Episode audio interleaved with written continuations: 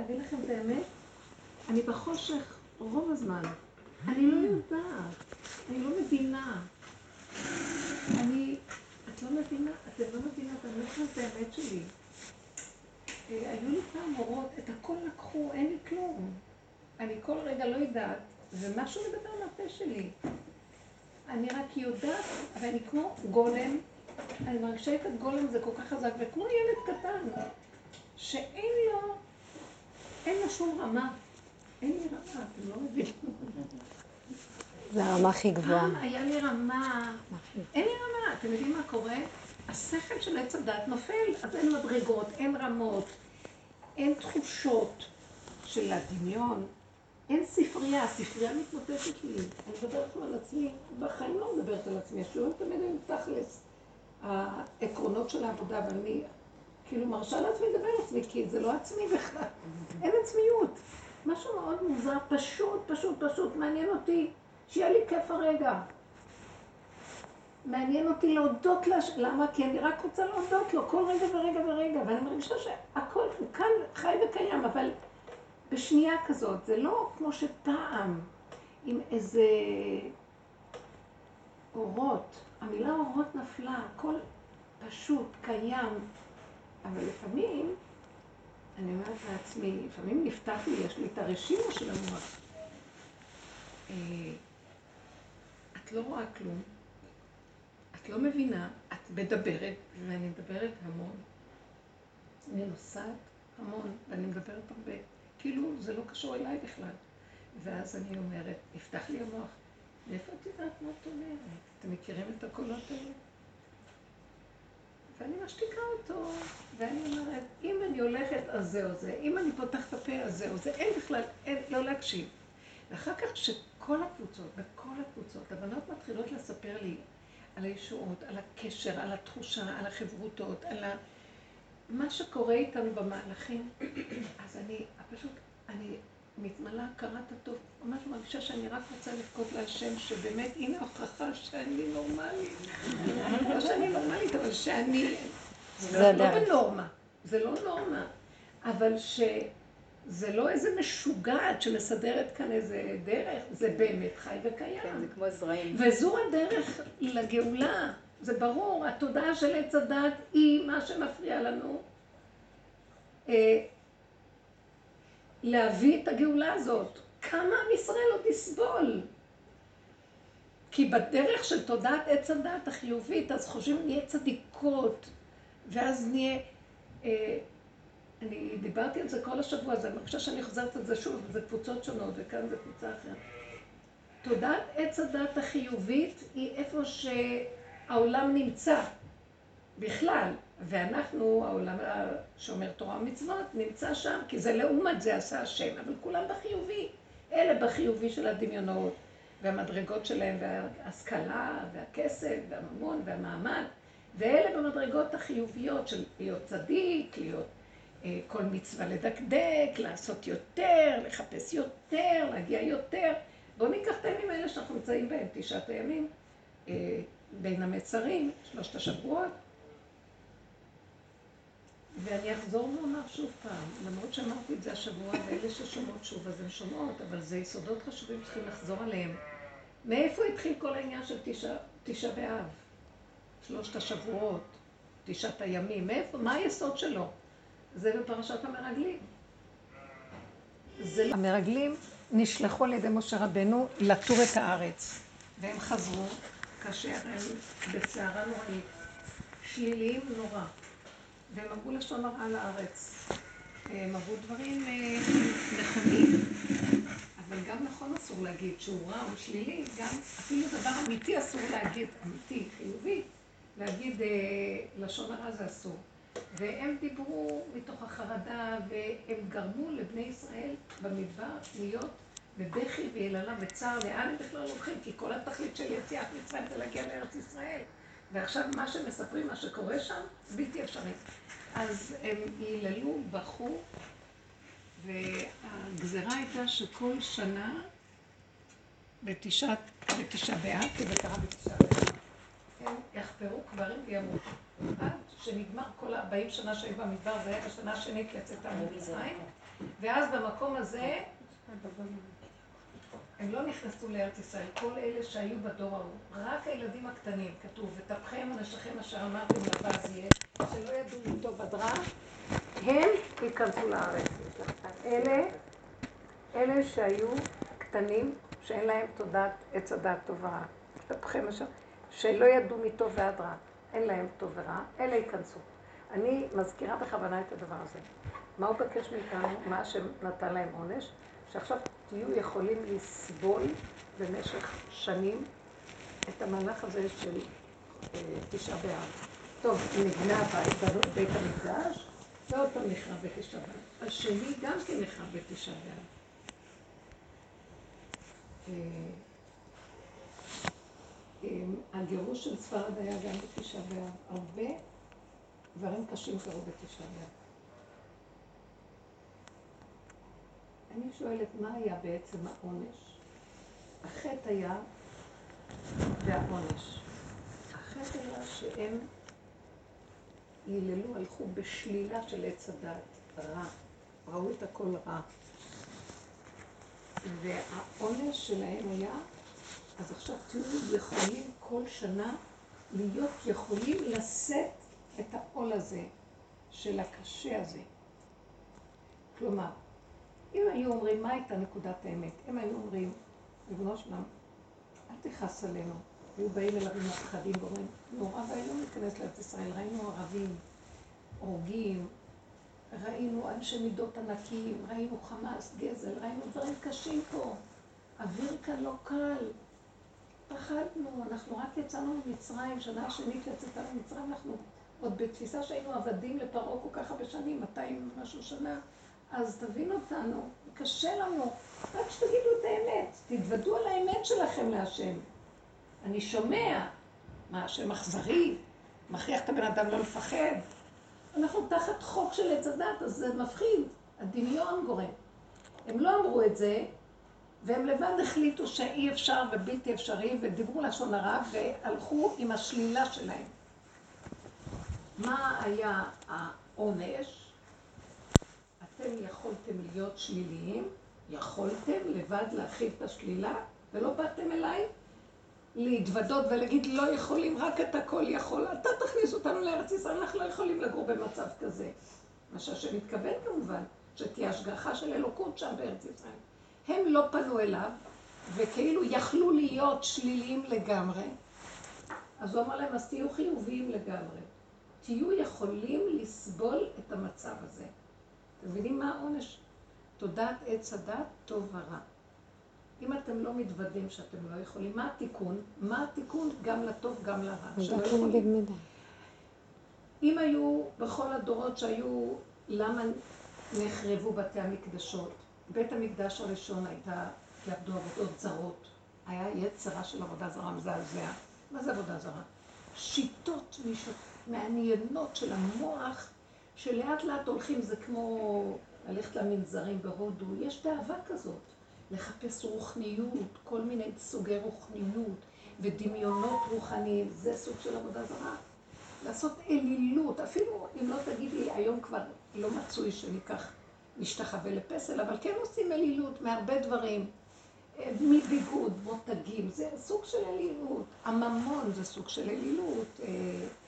אה, התענוגות עולם, סוג של אלילות, מש, משתעבדים ומשתחווים לדברים האלה, כאילו מתמכרים.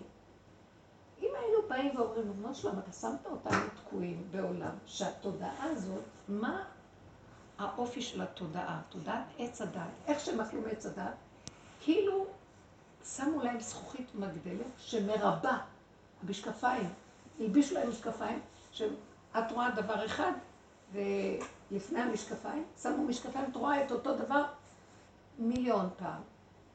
ריבוי, זה כאילו משקפיים שמרבות, וגם מחלקות לכן ולא, טוב ורע, נכון לא נכון. אה, אז תמיד יש ביניהם ספק, כי אולי כן ואולי לא. בקיצור, נכנסו, המוח שלהם מבולבל, מלא דעות, רעיונות, שיטות, ההרגשות שלהם מתפוצצים מרוב הרגשה, הרגשה כזאת וכזאת וכזאת וכזאת וכזאת וכזאת. הפעולות שלהם כתוצאה מזה שהבן אדם לא ממוקד. אז כל פעולה שלו היא לא מדויקת. הוא יכול לעשות חמישים פעולות ולריק, מגיעים לריק ולבהלה, ולא ממוקדים. אז יכולים לעשות סתם. עובדים קשה לריק, סתם. שיעבוד. אז הם יכלו להגיד, ריבונו של עולם, אנחנו תחת משקפיים קשים. למה שהם יגידו? מאיפה הם ידעו שהם תחת משקפיים קשים? כי קרה מעמד הר סיני, קרה במצרים, הוא עשה להם ניסים, אותות מופתים שלא יאומנו, פתאום המוח הזה התפרק, והוא עשה, משה רבנו עשה להם, השם, משה, דרך משה, עשה אותות ניסים מופתים שלא יאומנו, שזה לא בדרך טבע. כאילו נכנס האור הגנוז, משה רבנו השתמש באור של מהלך אחר לגמרי, ועשה להם דברים שלא יאומנו, ניסים ונפלאות. זאת אומרת, התודעה זזה, והוא הראה להם שהשם יכול לעשות כל מה שהוא רק רוצה. מה זה להעמיד להם את היבשה, הים נהיה יבשה, חצה את המים. זה לא, זה לא דבר שבנורמה.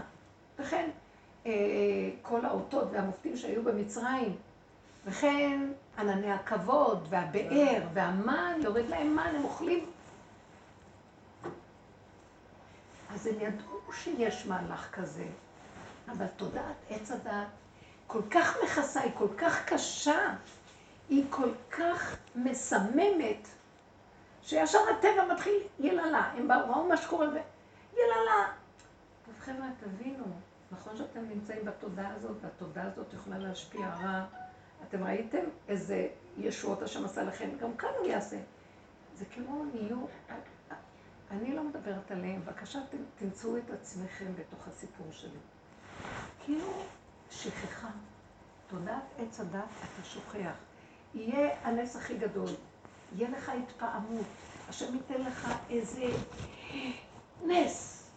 אחרי כמה זמן, כאילו מסך יבוא ויסגור לך ואתה לא זוכר מזה כלום. גם, גם אם אתה זוכר בשכל, זה לא מרגש אותך כמו שזה היה אונליין.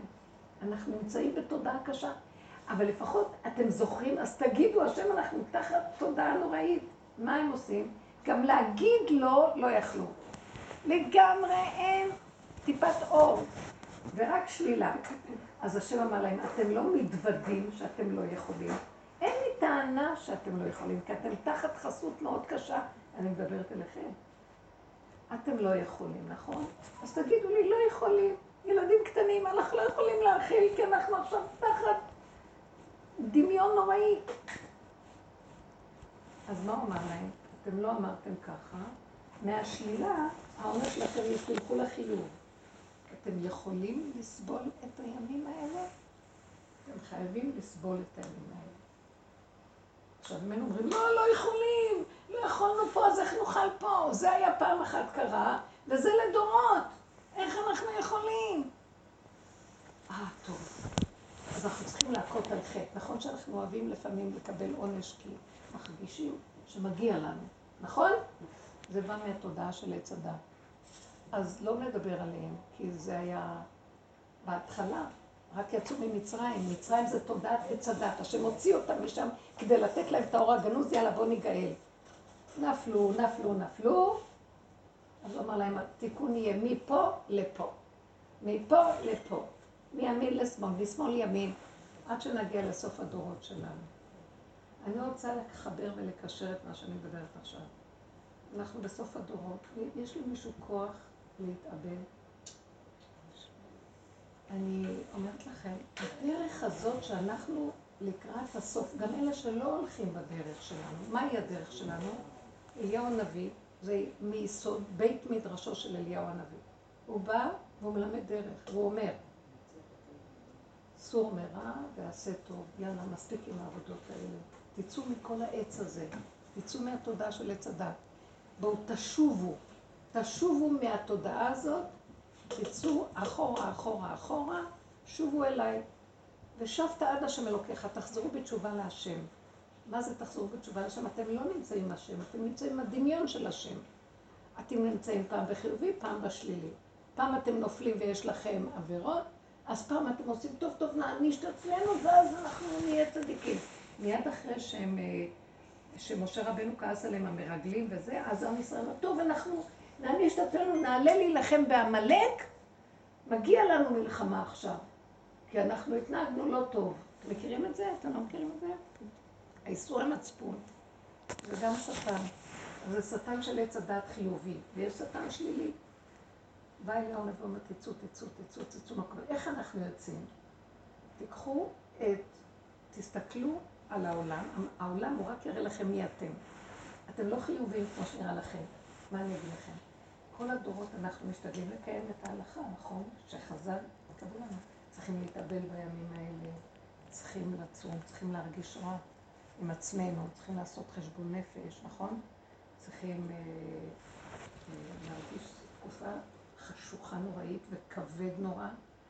החרבנו בית המקדש, אחד היה עבודות זרות, השני שנאת חינם, בית המקדש השני. ואז אנחנו צריכים להגיד, אוי ויי, מה עשינו?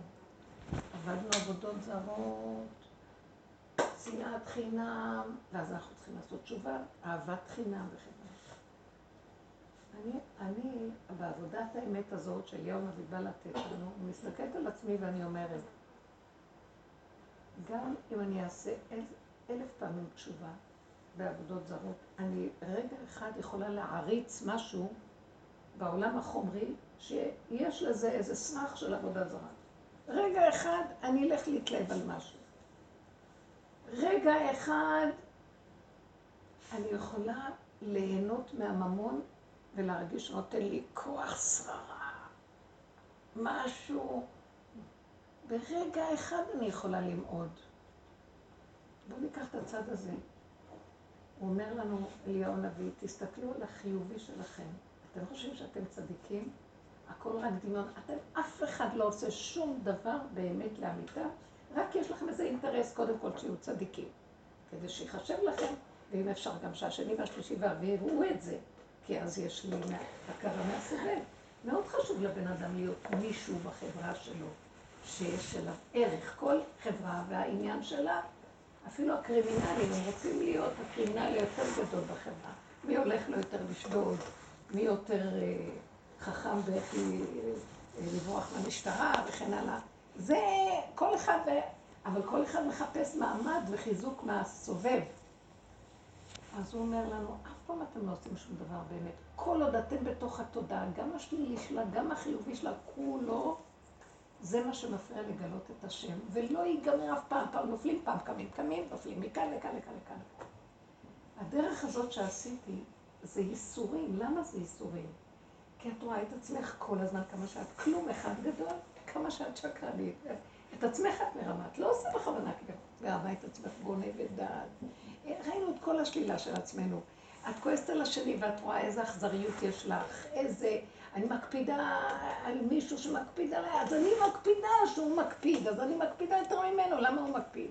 כל השורשים שהסתכלנו אחורה, אחורה, אחורה, עבודת יום הכיפורים, זה כאילו שוחטים לך את הנפש, זה צער מאוד גדול לנפש.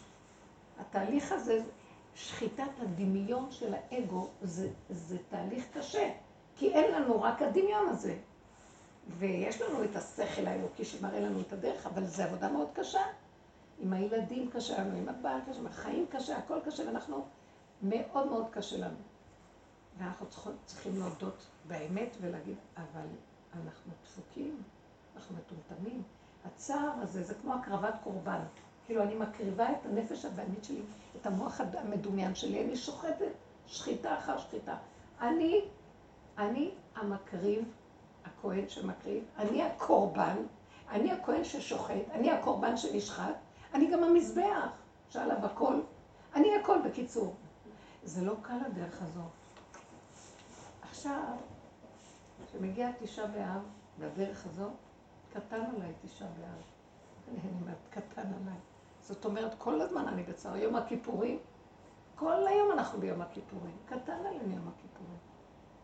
רבו של היום אומר לאנשים, שואלים אותו, איך עובדים יום הכיפור, מה עושים? אז הוא אומר, כמו כל יום, כי אצלנו יום הכיפורים היה כל יום.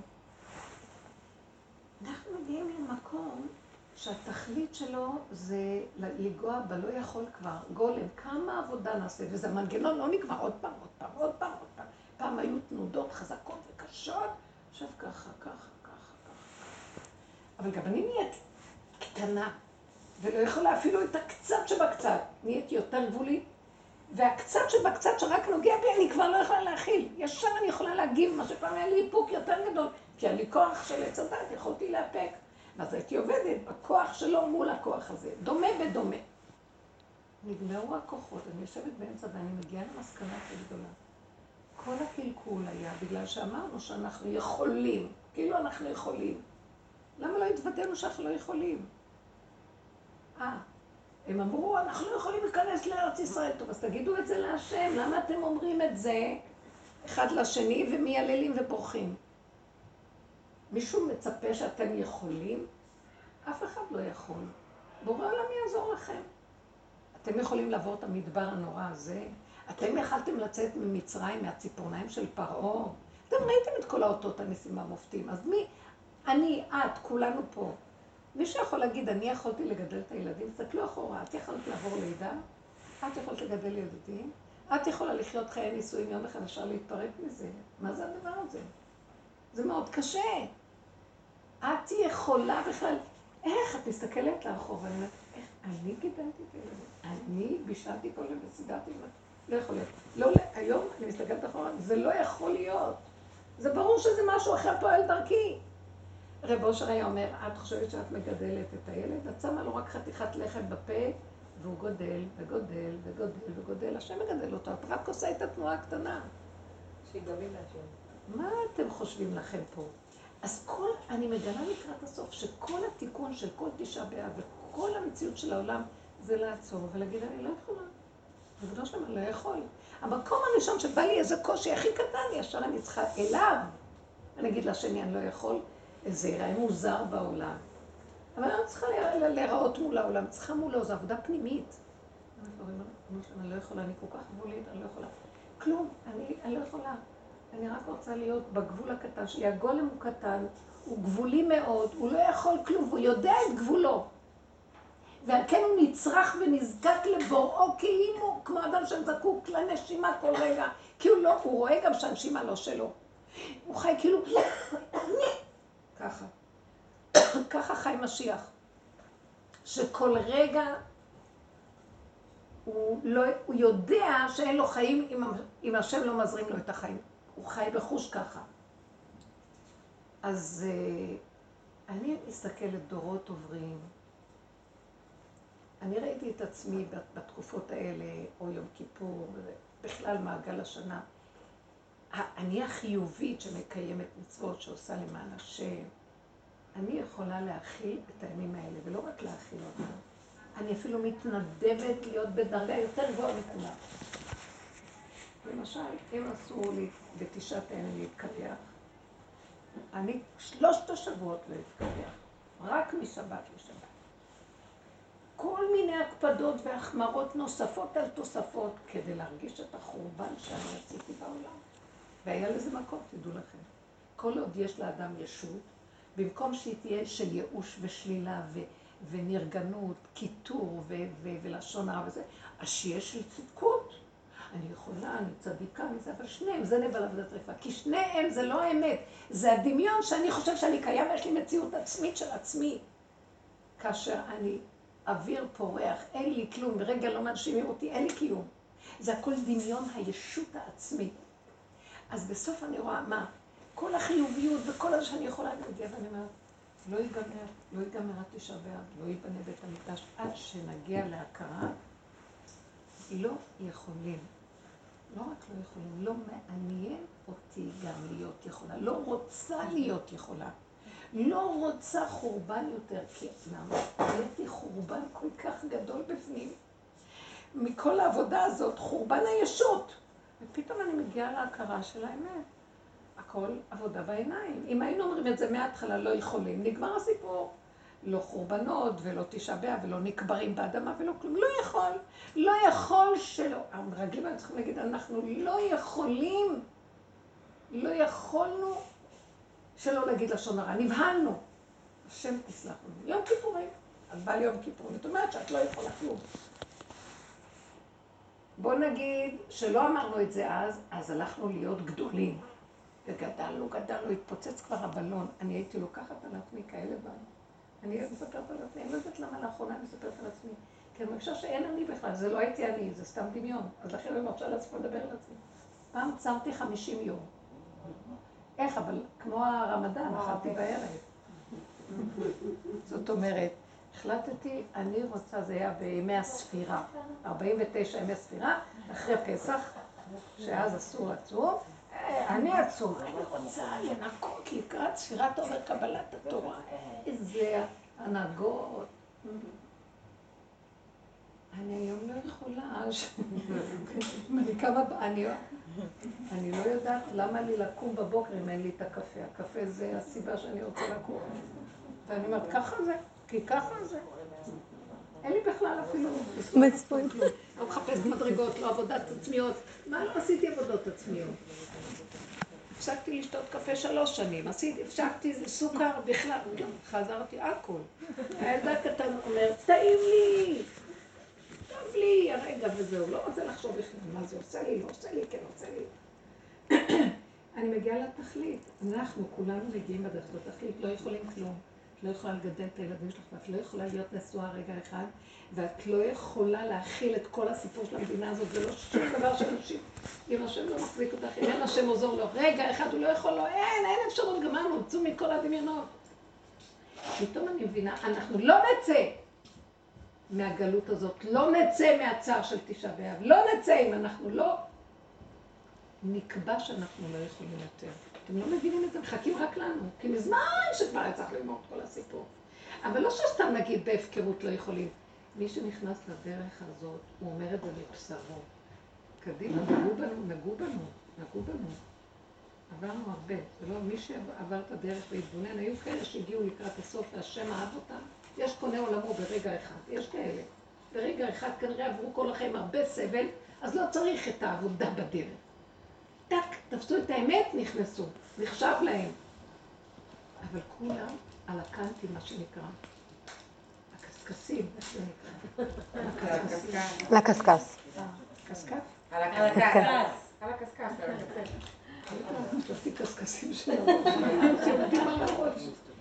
אז אי אפשר יותר. אז אני אומרת, אדונו שלנו, למה? הדרך הזאת, מת לי, מת לי הרגש.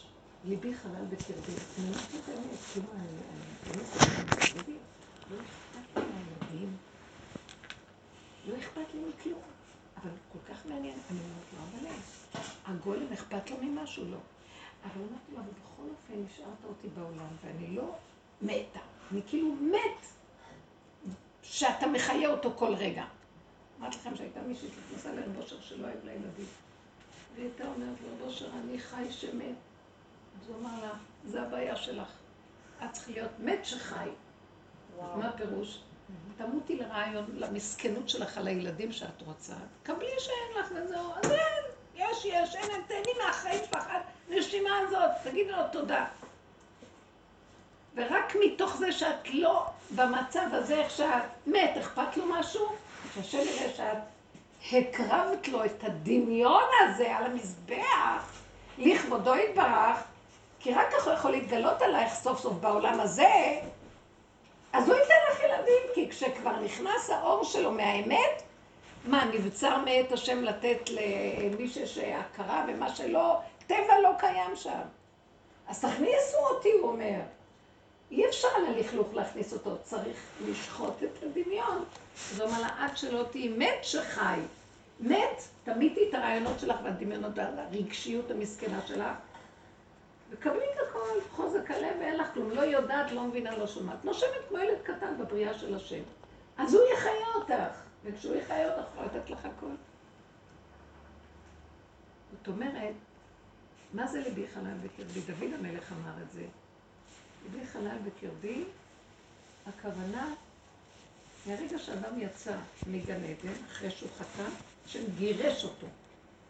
הגירש הזה התלבש שם רגש. מהרגע שהוא גירש אותו, הוא היה מאוזן, היה לו רגש. אבל זה היה רגש קטן. זה כאילו אדרנל כדי אה, להזיז את המוח ולעשות דברים. אבל לא הרגש, הסערות, הדמיונות, מה אנחנו, יעלו שמיים, ירדו תאומות, נפשם עליהם, פרעתי כמובן. אחרי שהם יצאו מגן עדן רגש. העבודה הזאת, שעובדים ומסתכלים והולכים אחורה, כאשר העולם הוא רק. המראה והמקל, כל מה שסביבך, הילדים, הבעל, רק להתבונן. או, את זוכרת את כל העבודה הזאת, כמה עשינו, וכל יום מחדש, זה, זה עדיין קיים, אבל כבר זה, כאילו אין לנו כבר כוח. אז זה עושה את הבן אדם תשוש עד שכבר לא אכפת לו מכלום. הוא רואה את הכסילות שלו, הוא רואה שזה לא ייגמר, הוא רואה שהשד המדוזה הזאת לא תעזוב אותו. זה כמו איזה כובע שהלבישו אותו, והוא כבר רואה שזה זז, מכניס סיכות בבלון, האוויר יוצא, עוד רגע זה יעשה ויעלם. אין לו כוח כבר, זה נקרא ליבי חלל בקרבה. אין לו כוח להתרגש. ואז אמרתי להשם, אין לי כוח להתרגש. זה משהו, זה משהו, יש לי ילדים. אז רק אתה יכול, כשמשהו בא לקראתי, איזה ילד בא, תן לי אתה באותו רגע את הרגש הנצרך לדבר. כי בכל אופן, יש כן, צריך להיות קשר בין בני אדם. הוא מביא לי, אני כמו איזה, אין לי, אין לי כלום. כמו נוף אין לו כלום. פתאום מפגיש אותי מישהו, יש לי פתאום אהבה אליו, כיף לי איתו מדברת. וזה הוא נותן. אין לי חשק לכלום, פתאום הוא מחבר, אני לא יודעת איך הוא עושה את זה. אני מדברת איתו רק. כי השכל עוד קיים, כאילו, איך, איך יכול להיות שאני לא מרגישה כלום ועכשיו הילדים יגידו, מה? בכל אופן אתה יכול לתת לי רק לרגע, אחר כך תיקח את זה, שלא יהיה סתם בזבוזי, מה שנקרא. אני לא צריכה שישרה עליי, אז אני אתחיל לדמיין איזה מותק, איזה מותק, בסוף מכירים את הפליפים של אחרי המותק. אין לי כוח לכלום, הכל מכזב פה, הכל מדומיין פה. אז אני רואה שזה עובד ככה. בסוף התכלית להגיע לכלום הקטן, לא יכולה. אני מגיעה לימים האלה ואני אומרת, אין לי, אני רואה איפה החטא הגדול של כל הדורות. מהשלילה לחיוב. תצאי מהחיובים. אני לא יכולה להרים עליי את האנרגיה של הימים האלה. לא יכולה להכיל אותה. ואז נהייתי כל כך קטנה, המוח נופל לי, ואני לא יכולה יותר עכשיו מרגע אחד. אה, כלתי אומרת לי ביום ראשון, תתחילי להעביר את עצמך שיום רביעי זה צום, אז עם הקפה תתחילי להפחית, שלא יהיה לך מאוד קשה. קודם כל לא זכרתי לך שזה תשעה באב. למרות שכל השבת דיבורים, בכל מיני צורות, אבל זה לא היה לי במוח. ואז נדהמתי, ואחרי זה אמרתי, נראה לך? לא מספיק תשעה באב, לא שותים אני כל השבוע ישתים, זה לא עובד ככה אצלנו. כל רגע שרק אפשר, אני רק יאכל, זה הכי טוב שבעולם. לא מתאים לי לסבול כבר מעכשיו להכין. אני מוותרת לא הם ולא שכרם מהאיסורים והסבל, כלום, זה הכל שקר, זה דמיון! צריך לצאת מהדמיון הזה. לא רוצים לסבול, לא רוצים להתייסר, לא רוצים כלום. מוח קטן, ילד קטן כאן ועכשיו בעיניים עולמו של השם, ורק אומר תודה, תודה, תודה, תודה, תודה, תודה, תודה. וכל רגע שהוא רק רואה עם החושים, שומע, מריח, טועם, רק להגיד תודה, זה מה שנשאר. אז איפה נכנס כאן התשעה באב? אני אומרת לו, אבל אני לא יכולה להכיל אפילו מחשבה אחת, כשזה יגיע אותו רגע, שם יהיה לי תשעה באב. גם אני לא יודעת מה זה תשעה באב, אמרתי לו. לא מראש, בהשקפות, ואני מזמנת את ההרגשים, ואז אני מתנדבת, והמרירות, ומה, אני לא מסוגלת, לא מסוגלת, לא מסוגלת, לא מסוגלת, תהרוג אותי נגמר לי. אני, ואני מדברת כולנו צריכים, ברגעים האמיתיים שלך, תצרפי את כלל ישראל לתפילה. עם ישראל פשוט מת, כבר אין לו כוח, מה אתה רוצה מאיתנו? אנחנו לא יכולים. תתפללו על כולם. לא יכולים, תגאל אותם איך שאנחנו. אם החיתול הכי מלוכלך, לא יכולים אחרת. גמרנו, כי אף פעם הוא לא יהיה נקי. אתם יודעים איך זה חיתול, את מחליפה מתלכלך, מחליפה מתלכלך. כי כל עוד אנחנו בעולם הזה, התודעה של עץ הדת, פעם רגע הצדיקה, רגע אחד בדיוק הפוך. ואי אפשר לצאת מהדבר הזה, אז לעולם לא ייגמר פה. תעצור את הגלגל, אני רוצה לרדת. תפסיק עם התשעה באב. תוריד את בית המקדש שלך. אני רוצה לדבר כמה מילים על בית המקדש, אנחנו מדי פעם נוגעים בזה. בית המקדש זה מקום בעולם שתודעת עץ הדת לא שייכת שם. זה לא עובד עליו. זה מתחום כזה, מתחם, תחום, של אוויר אחר לגמרי, שאין זכר לתודעת עץ הדת שם, היא רק מתקרבת לשם, היא מתה. והזר הקרב יומת. אי אפשר להתקרב לקדושה שם. מה יהיה קדושה? הריק, כלום. אין אני. אין ישות. אין טוב, אין רע, אין כלום. יש ככה. כללים, חוקים, הבריאה קיימת עם כללים וחוקים, הם יפים. אני כן רוצה לעשות, לא בא לי, טוב, אני מתנדבת, אני, כי לי מזה משהו, אין, עושים כי צריך, בלי לחשוב. וברכתיך בכל אשר תעשה, תלמדו מזה. התודעה החדשה מתחילה לרדת. זו תודעה שלא חושבים. אני חושבת, אני אעשה ככה, אעשה ככה, מה, מה, מה, אל תתבלבלי, תושיטי יד. עכשיו אני נכנסת ביום חמישי, אין לי זמן, אני עסוקה כל יום. איך אני, אני צריכה להתחיל את השבת. זה קניות, זה לבשל, זה לקלף, אין לי עזרה לפעמים. ואז אני נכנסת, תחטפי. לא, לא, אני לא נכנסת למטבח. אין לי כוח. אחרי רגע אני אומרת, את יותר מדי חושבת, יותר מדי מתרגשת ונזכרת. כן לעשות, לא לעשות, לא לעשות. לסגור את המוח, אין מוח. פשוט לטייל. תתקלפי, זה פתוח. עושי זה, יד, יד, יד. אני לא יודעת מה נהיה. לא לחשוב, אין מוח. טק, טק, טק, טק, טק, טק, נהיה. ואיזה מתיקות. לא מרגישים את הפעולות, לא מרגישים כלום. אין מוח, אסור שיהיה מוח. אסור שיהיה מוח. אסור שיהיה מוח, נגמר. יש לך מזגן? אה, המהלך הזה, שם, זה נמצא במתחם של הר הבית, בתחום, קדושת הר המוריה. תקשיבו, היו תהליכים. בית המקדש, אמרתי לכם, לא היו נכנסים אנשים לשם. רק באזהרות. עזרת נשים, עזרת ישראל, עזרת הכוהנים. מי שהקריב קורבן מישראל, גם נשים. הגיעו עד לעזרת הכוהנים, ומסרו את הקורבן שלהם. אבל לא יכלו להיכנס לבית המקדש. רק כהנים, וגם כהנים אחד, שתיים, במשמרות שלהם, בפעולות דקות, קטנות. זה היה מקום ריק, נקי, טהור. אין, אין שם את הסערה של העולם. היו כללים איך לעבוד שם. חוקים פשוטים. בלי הרגשים. מרגיש לך, לא מרגיש לך. בלי אני ארגיש כי אני אגיע למדרגות גבוהות. נכנסים לשם לשרת כמו גלמים. כהנים גלמים שיודעים את החוקים ועושים מה שצריך. בלי ישות. כי אם לא, היו נפגעים. זה היה מסוכן. כל העבודה להבין דבר אחד. תודעת עץ הדעת לא מאפשרת את בית המקדש. גם ייבנה שלישי על ידי, בימים שלנו, כל עוד לא נפל התודעה הזאת, זה יחרב פעם. מה אתם חושבים? כי אנחנו מקלקלים, כי תמיד, עכשיו, בואו ניקח את הנקודה שאני רוצה שניגע בה, ובנות יקרות, התשובה האמיתית שאנחנו צריכים עכשיו לעמוד מול השם, להגיד לו, נגמר.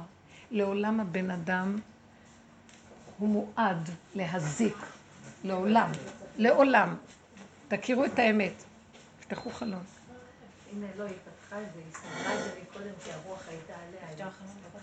לא. לעולם שהבן אדם מזיק, מה הוא צריך לעשות? לפחד מעצמו ולהגיד, אין מה לסמוך עליי. אין מה לסמוך עליי. רק השם יעזור לי. שהבן אדם יתהלך ככה תמיד. בנות, קחו את זה עכשיו. את לא יכולה, אין מה לסמוך עלייך כאימא. את יכולה רגע אחד לאהוב את הילד, רגע אחר לבשל אותו. נשים רחמניות בישלו ילדיהן. לא להאמין מה שיכול לצאת מאימא. אישה ובעלה, רגע אחד אוהבים, רגע אחד, אחד שולפים אה, סכינים. שמור השם ויציל. אנשים הכי צדיקים, לא הייתם מאמינים, שמועות נוראיות. אני לא, אין על מה לסמוך. השם רוצה להראות לנו את זה.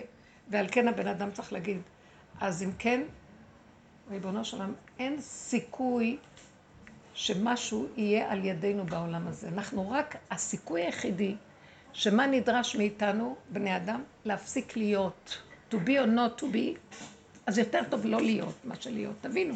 זאת אומרת להיצמד דווקא עצמי לבשרי. אז איך אפשר לחיות ככה? המוח של עץ הדת אומר, איך אפשר לחיות ככה? והאמת היא, רק ככה אני אתגלה עליכם ואני, תושיטו יד, רגל, תגידו מילה, אני שם. החברה שלך שאת מדברת איתה, דרכ... אני נכנס לפה שלה והיא מדברת איתך. זה לא היא בכלל. אין כאן בני אדם, אין כלום, זה הכל הדמיון של עץ הדת. מי אתה, הוא גדול, הוא משהו, הוא פחות, הוא... כל הזמן אנחנו מקטלגים בסדר, הכל דמיון אחד גדול, עובדי עבודה זרה אנחנו. האמת היא מאוד פשוטה. אם אנחנו נתרוקן מכל התודעה הזאת, אתם יודעים, זה עובד. ייכנס אור חדש ויפעל.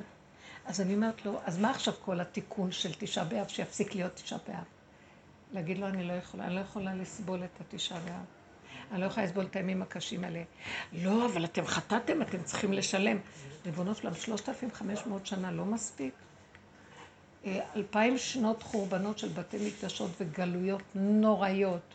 אם היינו אז אומרים לא יכול, פגש רבי יהושע בן לוי, אחד התנאים הקדושים, בחורבן בית שני, את אליהו הנביא, ואמר לו, מתי יבוא משיח? אליהו, מתי יבוא משיח? אמר לו, היום, אם בקולו תשמעו. היום, כל רגע מסוגל להיות גאולה. מה? אם תפרקו, אם בקולו תשמעו. אתם לא יכולים לשמוע את הקול שלו, כי יש לכם קולות מקולות שונים במוח. פרקו את המוח הזה. אין מוח. זאת הדרך שאנחנו עושים, היא דרך מדהימה. היא אינטליגנציה מכדור אחר, מעולם אחר. לא להאמין למוח. אני לא רוצה לדבר גבוהה בפילוסופיות, לא להאמין למוח. תישארי בקטנה, תישארי באמת. מה האמת? עברת את כל החיים, את רואה.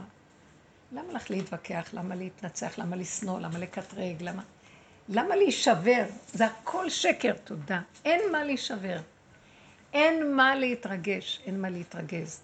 תשתדלי להישאר בנקודה שלך וליהנות.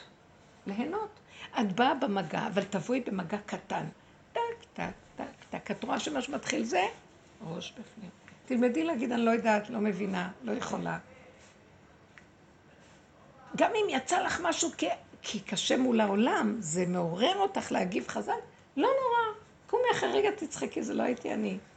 זה השד, קפץ לי השד. תלכו עם האמת הפשוטה, תחזרו. אל תפחדו מה יגידו, לא יגידו, כן יגידו כלום. תהיו עם האמת של עצמכם. תפרשו מהעולם, תפרשו מתודעת העולם. אתם לא מבינים איזה דבר גדול זה. תפרשו מתודעת העולם. זה דבר שקט פנימי סודי שלך עם עצמך. אה, אז מישהי אמרה לי, אולי אנחנו איזה כת, אתם פוחדים, אולי אנחנו כת.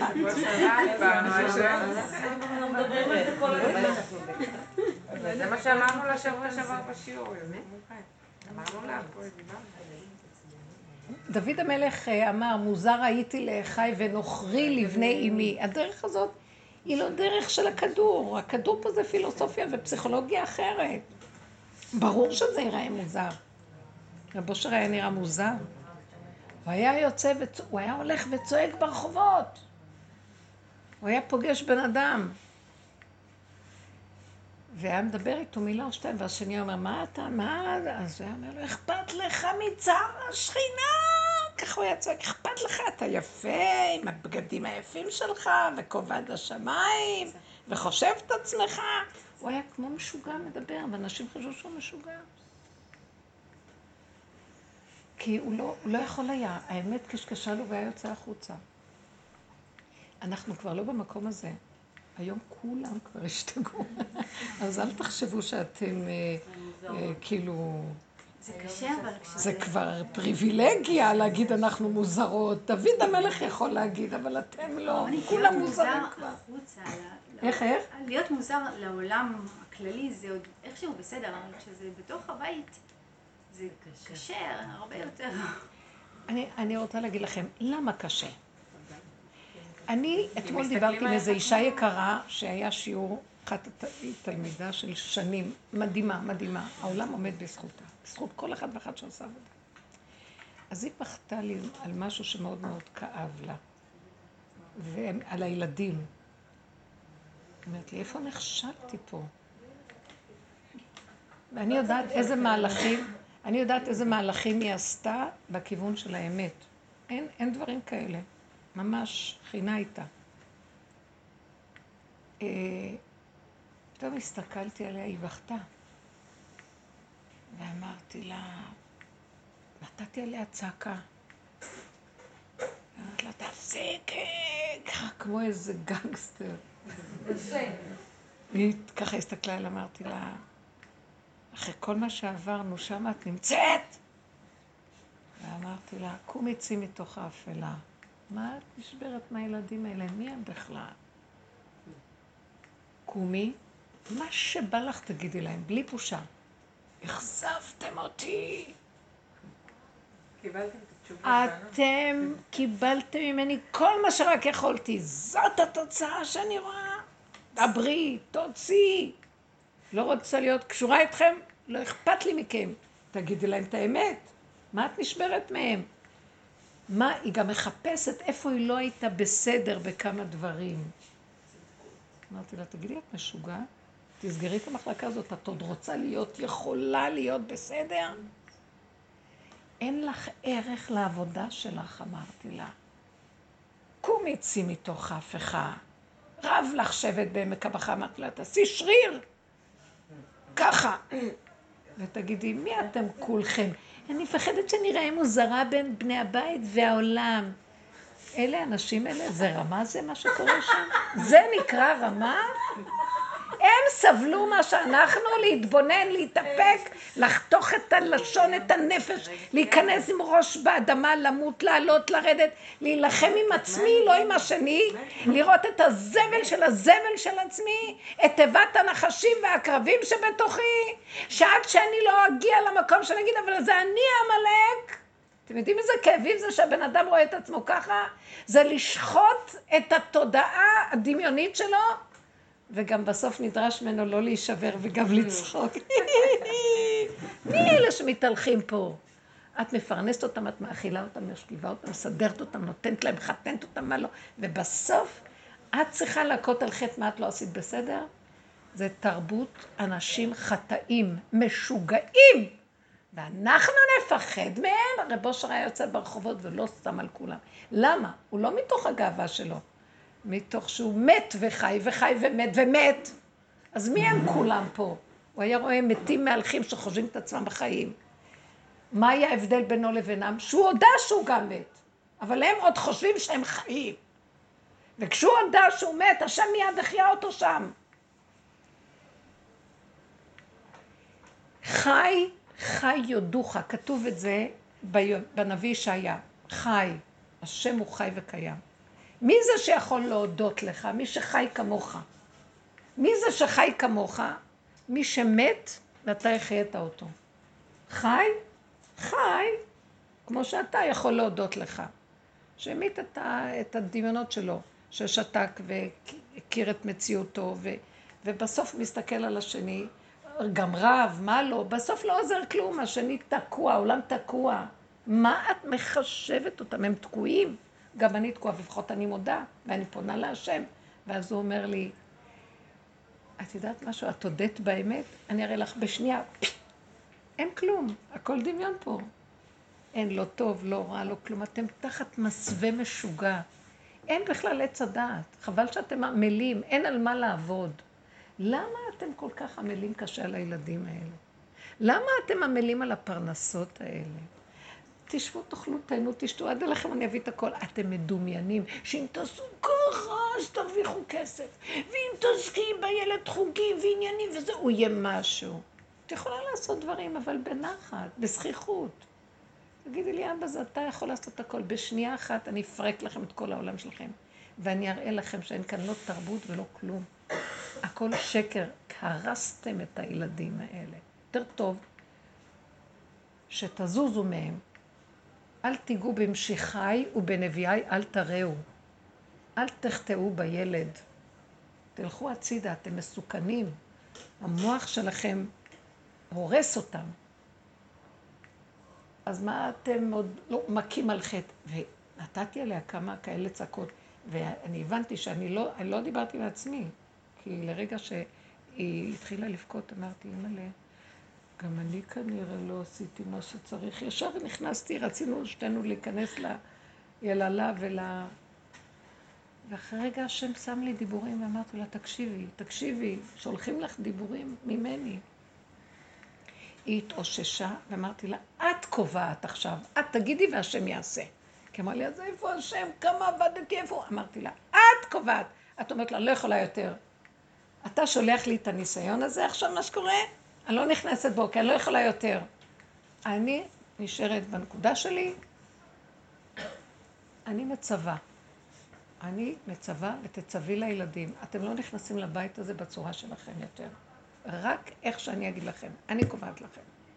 לכי תגידי את זה, תראי איך שאני... אני היא אומרת לי, ששלחו להם איזה חוזר ממשרד הבריאות, לא בטוח שתפתחו את המסעדה, לא תפתחו, כן תפתחו, והיה תקופה שהכל היה סגור וזה, ופתאום היא אומרת לי, פתאום היה לי כעס עליהם. קמתי, ככה היא אמרה לי, אחרי שדיברתי איתה, ככה היא אמרת לי, זה הדיבור, מה שאת אמרת עכשיו. למה? פתאום קם, קם משהו בליבי ואמר, את לא מקשיבה להם כלום, תפתחי את המסעדה ותמשיכי כרגיל, הם לא יודעים מה שהם רוצים בכלל, לא מקשיבים להם. והיא אומרת, ופתחתי. אז אמרתי לה, נכון שאת החלטת? נכון שאת החלטת? קמת ולא ראית כלום? קומי תעשי פעולה, גם עם הילדים. תעשי פעולה, מה הפעולה שתעשי? קודם כל, תעזבי את המסכנות שלך של המוח, מה לא, מה כן, למה ככה, כלום. תזיזי את זה בכלל, זה לא קשור אלייך. חוץ מזה, שעוד פעם תראי אותם ככה, תגידי להם, סליחה, עד פה. מי שרוצה להיות במחיצה שלי, צריך לדעת להתנהג. תלכו לגור בבתים שלכם, תסתדרו לכם מה שאתם רוצים. מי שפה, אתם יודעים שיש לנו יותר מדי בלבולים במוח. מה, מה? מה את רוצה לרצות את... את שאלת את שאלה, עניתי לך. מה את רוצה לרצות את המשפחה ואת הילדים? מה קשה? עכשיו אנחנו במקום של אל תיתנו למילה קשה בכלל להיות, כי המילה קשה שייכת לתודעה של עץ הדעת. קל קשה. קשה זה קושייה. בתודעה החדשה של הגולם אין קושיות, יש ככה. בא לו משהו קשה, אומר, אני לא יודע, תושיט יד, תעשה פעולה. מה שבא לך ברגע הראשון לעשות, תעשי. אמרת מילה, אמרת. לא לחשוב, לא להרהר, לא להתלבט, לא ל- לשקול ולטרות. נגמר, נגמר, נגמר, נגמר. ככה וזהו, לא יכול. זה הגבול שלי, תחזרי לגבול. אתם מבינות מה אני מדברת? פה ייבנה בית המקדש. אנחנו נכנסים לתחום של בית המקדש. תחום ארץ ישראל קדושה. זה השגחה של השם עליה רגע רגע, כי היא ריקה, כי היא קטנה, כי היא מסכימה. היא לא באה עם האג'נדות שלה וכל הפסיכולוגיות וכל הפילוסופיות והידע וההשקפות. שמעת? עכשיו תעני, מה? מה מפריע? לא יודעת, הביזיון כבד עליי יותר מדי. מה? כשאני הולכת בחוץ ואני מרגישה ביזיון מילא, אבל להסתובב בבית ולהרגיש... סתם, הבן שלי אמר לי שמישהו אמר לו ש... קודם כל זה התחיל בזה שהוא טוען שיש לו איזה דיסלקציה של אה, בעיות כתב וכתיב, בן 15, 16. ו... והוא אומר שאמרו לו שזה קורה כשלא נותנים לילד לזחול. הוא אומר שמישהו אמר לו, כשהוא היה תינוק, אז כל הזמן הייתי קושרת אותו בעגלה ולא הייתי נותנת לו לזחול. וזה כאב לי. הרגשתי ממש ביזיון. וזה קורה הרבה עכשיו, במיוחד כשהם גדלים בגיל הזה, הם מחפשים איפה... תגידי לו, כן. תזחל עכשיו. יודעת שזו שיטה טיפולית אגב. תזחל, מישהו אמר לך לא לזחול, תשלים. תשלים פערים, מה הבעיה? לא, אבל עכשיו שמחפשים אותי כאילו בכל מיני דברים כאלה, איפה לא הייתי בסדר. אז... אתם רואים? למה יש לה כאלה כאבים? כי בתודעה של הייתי יכולה אחרת. אז למה לא עשיתם הייתי יכולה? רגע, היית יכולה? לא. אז למה את בצער? למה את לא מודה שאת לא היית יכולה? זה שאנחנו תקועים. בגלל זה בית המקדש, חורבן הבית הזה לא נגמר. בגלל זה אי אפשר לבנות בית המקדש, כי אנחנו חושבים שאנחנו עוד יכולים להצטער ועוד להרגיש את הגלות. אי אפשר יותר כלום. והילד הזה עוד חושב על מי להעמיס את ההאשמות שלו, כי ככה גידלו אותי. אז תגידו לו חד גדיא, ככה גם אמא שלי גידלה אותי, אז אני גידלתי אותך, והסבתא שלי גידלה את אמא שלי גם, וגם הסבא שלו, סבתא ככה גידלו. ככה זה הכדור הזה. אין על מי לבוא בטענות. הסבא נתן מכה לאבא, ואבא נתן לילד, והילד לזה, וכל אחד. ככה זה. זה הפסיכולוגיה, היפייפות של הכדור היום הם פסיכולוגיות, ולדעת את כל המהלכים והתהליכים, ואיך תינוק עושה ככה, אז הוא נהיה ככה, ויש להם המון ידע. הם חושבים שהם יכולים. אז מה אחר כך? עולם הפסיכולוגיה נפתח להם, ויש מיליון פסיכולוגים שילכו לטפל בכל אלה שהגיע לתודעה שלהם כל מה שעשו להם, כי הם יודעים עכשיו הרבה. אז הם צריכים לחפש פסיכולוג, לטפל בסיפור. אני אגיד לכם, זה, זה, אי אפשר לצאת מהדבר הזה. רק דבר אחד לא להודות. כי ככה וזהו. אני אגיד לכם דבר אחד, לא יכול לכתוב בחור ישיבה. ראית גדולי ישראל שעיקר עבודה של תלמיד חכם או של אדם שלומד בישיבה זה רק ללמוד. זה לא לכתוב. הכניסו אותם לשיטת בית הספר. בכלל לא צריך לכתוב. מבחנים, כתיבה, ואלה גדולי ישראל שכתבו חידושים, כתבו עם איזה כתב ועם איזה שגיאות, כתבו. זה לא היה עיקר בכלל. מי צריך את כל זה? אנחנו משקיעים כוחות בסרק, הכל סרק פה. בשביל מה? שיגידו שהוא יהיה זה, שירגיש הרגשה, כל זה, זה שקר, אין הרגשות, והם יגידו, לא יגידו כלום. תחיה חיים טובים אמיתיים עם עצמך, תשלים, תקבל. אז זה שאת נופלת בתחושה הקשה להכות, להלקות על חטא כביכול, המצפון וכל זה, זה שטן תודעת עץ הדת החיובי. אין לי מצפון, אבל אני לא רוצה את הביזיון כבר, אין לי כוח לביזיון. איזה ביזיון? אני לא אימא רגילה, אני אימא שלומדת אצל רבנית פישר, אני לא משקיעה הרבה בילדים, אני לא... וטוב לי עם זה. הכי טוב. אבל מה זה להשקיע בילדים? ריבונו של עולם, נתנו להם לאכול לשתות. הגמרא אומרת, בגיל שש שילד ילך לעבוד, די. ההורה לא חייב לפרנס אותו על פי דין. תראו מה קרה כאן. אבל... הייתה מישהי שטבעה את ההורים שלה בגיל שלושים שהוציאו אותה מהבית, כי אין להם כוח לפרנס אותה. כן? כאילו, מה, הם זרקו אותי מהבית שלי, זה לא, די, זה בית של ההורים, גידלו אותך, לכי לבית שלך. זה כואב לי שמסתכלים עליי כאילו כאיזה אימא לא... מי מסתכל? אימא לא, לא דואגת, לא יודעת מה. אני לא מאמינה שמסתכלים עליי ככה. לא כולם. מי שיש לו תודעה. בעלי התודעה. את צריכה לשדר שאת שלמה עם עצמך. בדיוק. היא צריכה לשדר להם, אה, תחזרי, אנחנו לא מזניחים. רגע, קיבלת אוכל, שתית, קיבלת את הקיום שלך, קורת גג, חם היה לך בחורף, אה, בקיץ סידרתי לך מיזוג, סידרתי לך את הארוחות שלך, ישנת אחת כשלא הרגשת טוב, בלילות מי קם לך?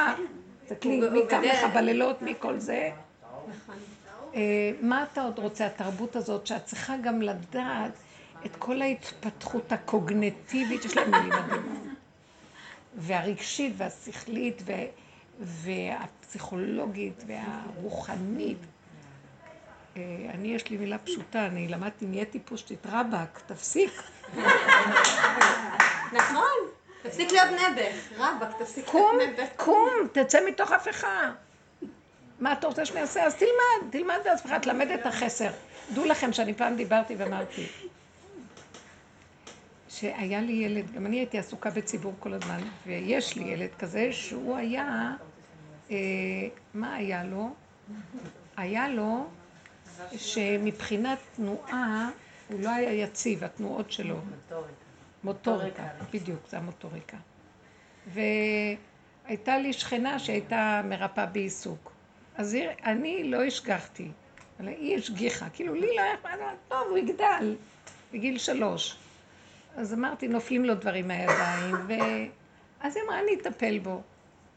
היא טיפלה בו, כל מיני... ואני ראיתי שהוא המשיך להיות כזה.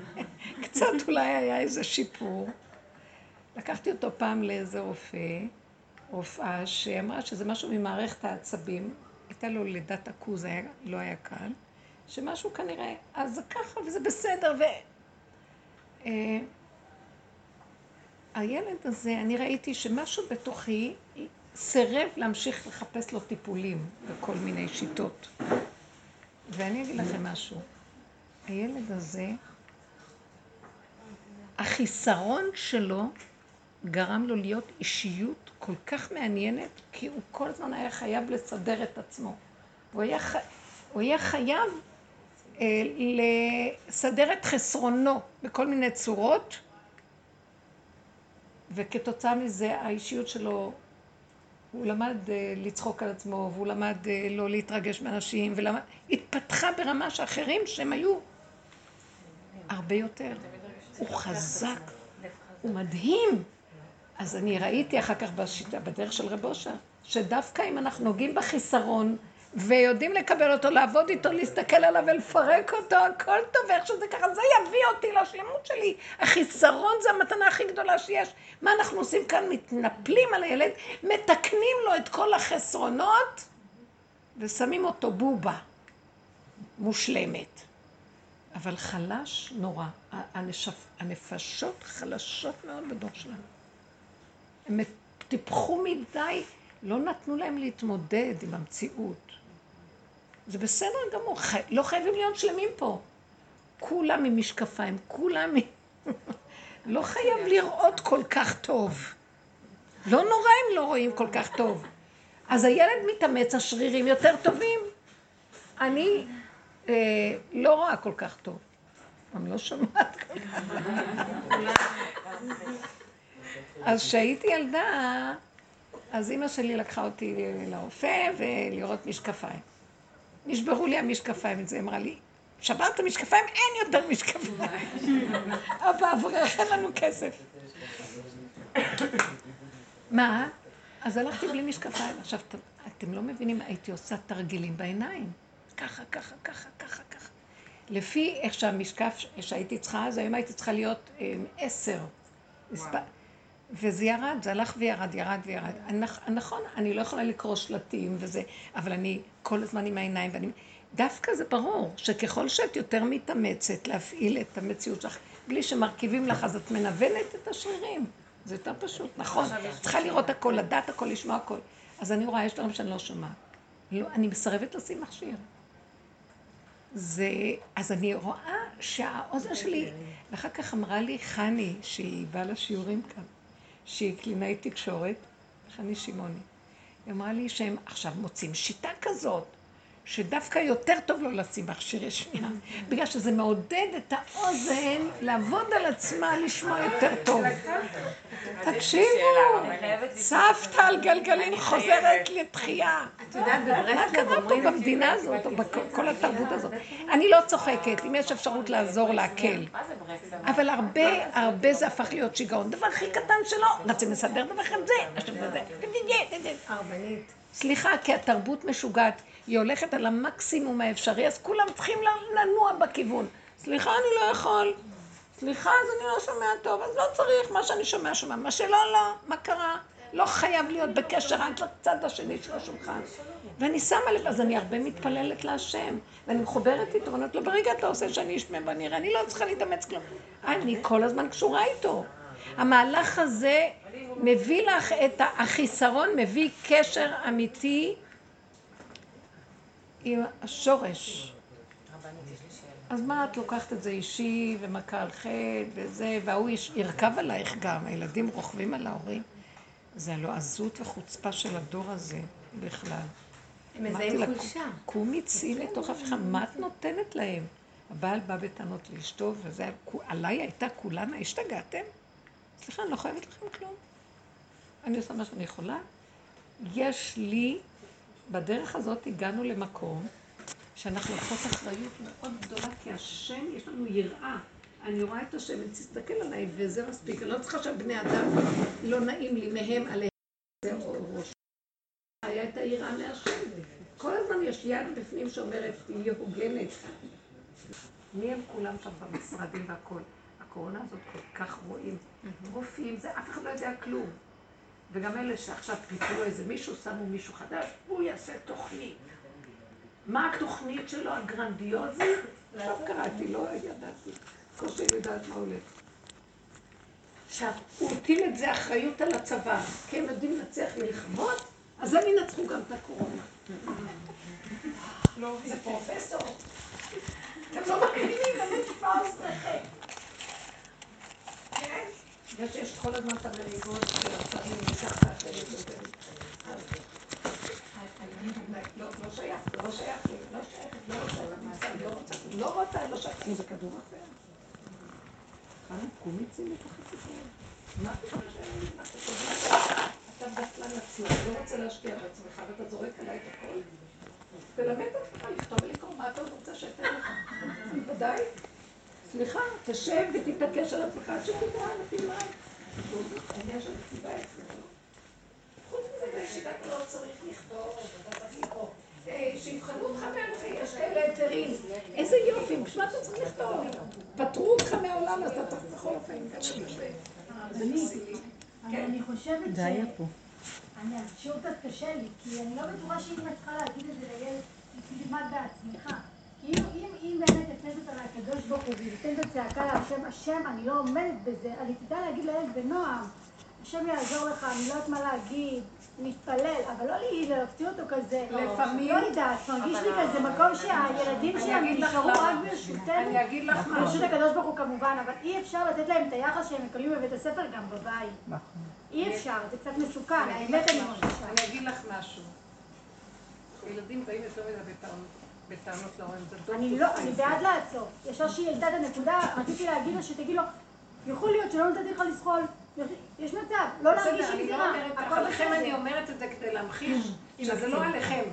תצאו מהמצפון הזה, לכן אני אומרת את זה כאילו, בצורה כזאת. שלנו באמת, ברשותנו. יש מקום גם להגיד לילדים, כמו שאמרתי לה, שהם בהפקרות, כי ככה אני רוצה. זו גם תשובה, את מבינה? זה לא מישהי אמרה תשובה. לי, מישהי כן, אמרה אבל לי, בנועם. לא בא, לך תלמד את עצמך. כל אחד כפי שמגיע לו. הבנת? שהיא, הכוונה, היא התכוונה להגיד שזה גם תשובה. לפעמים בא ילד בא ולא, לא נתת לי, לא עשית לי. אבל אם אני עם השם וחזק וראיתי את זה בחיים, שאם בשנייה הרמתי את זה באותו רגע שזה כאב לי פה, שזה כאב לי פה והרמתי כן. השם, אני לא עומד בזה, היה לי את הכוח להגיד לילד את אותם המילים, אבל בנועם.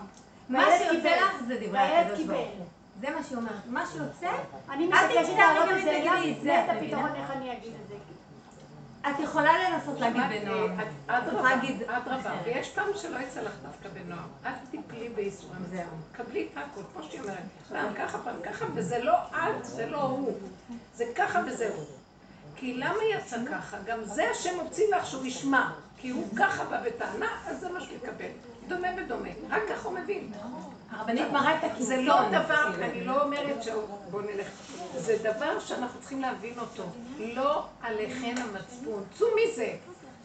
תשחררו את המצפון האמהי. זה הכולי עלמא, הצעקה הזאת היא לא על השני כמו על הצעקה. על המצפון של עצמי שהולך לקבור אותי עוד רגע. זה שקר מאוד גדול. זה החיוביות של עץ הדעת טוב שלא נותנת לחורבן הזה להיגמר. החורבן הזה, כי אנחנו עוד יכולים להכיל להתאבל על ירושלים.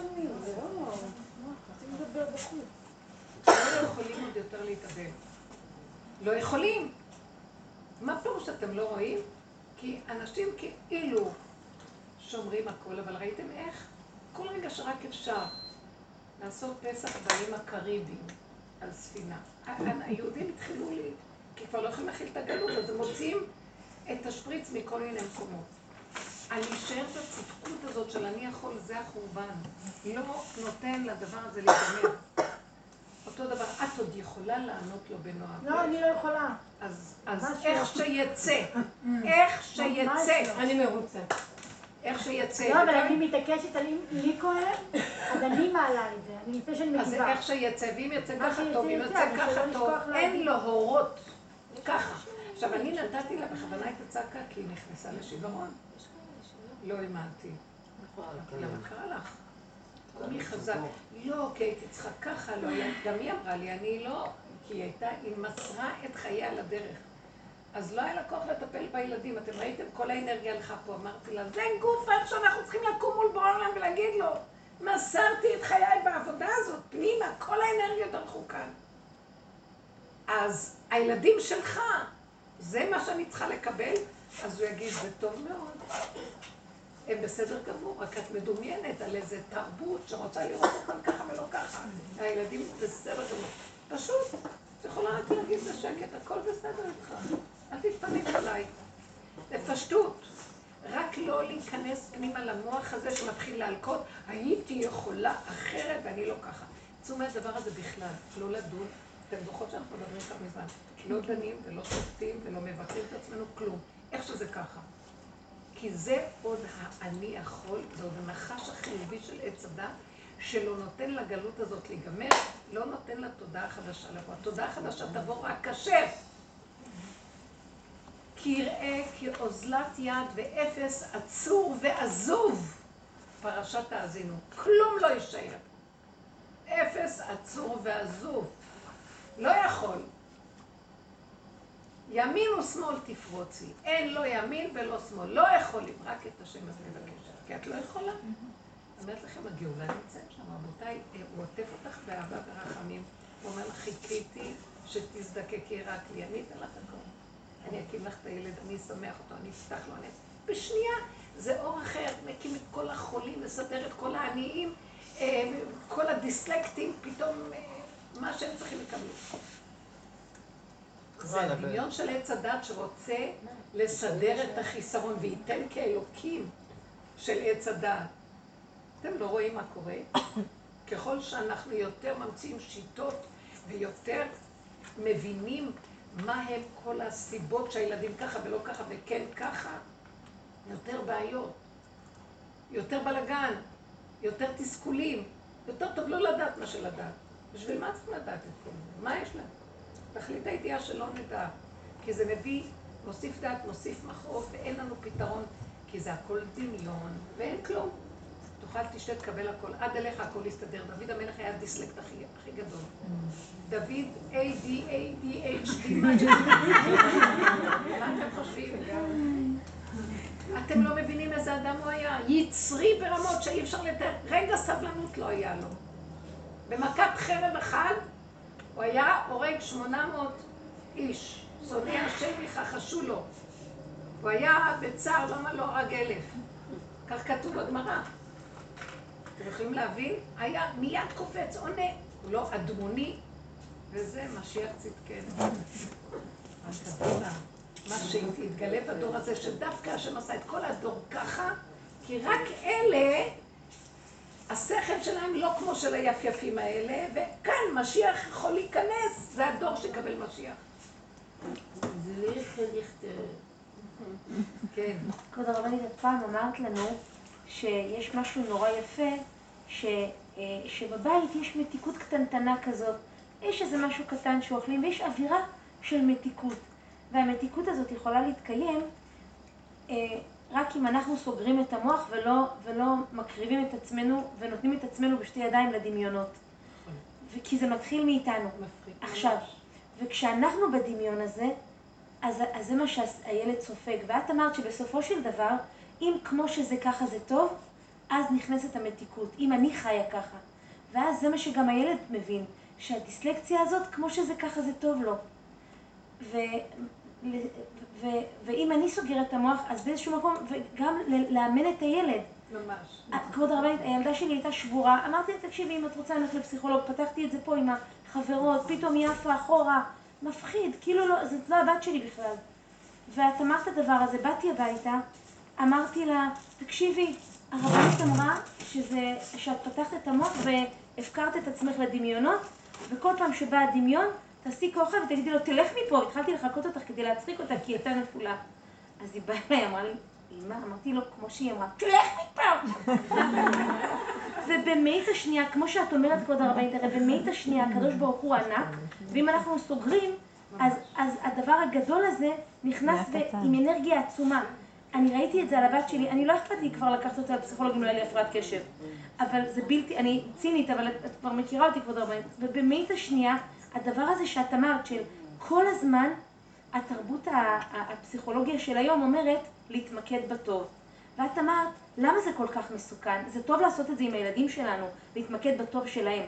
אבל למה זה מסוכן אצלנו? כי כמו שאת אמרת, כמו שאת מתמקדת בטוב, באותה שנייה את יכולה גם להתמקד ברע.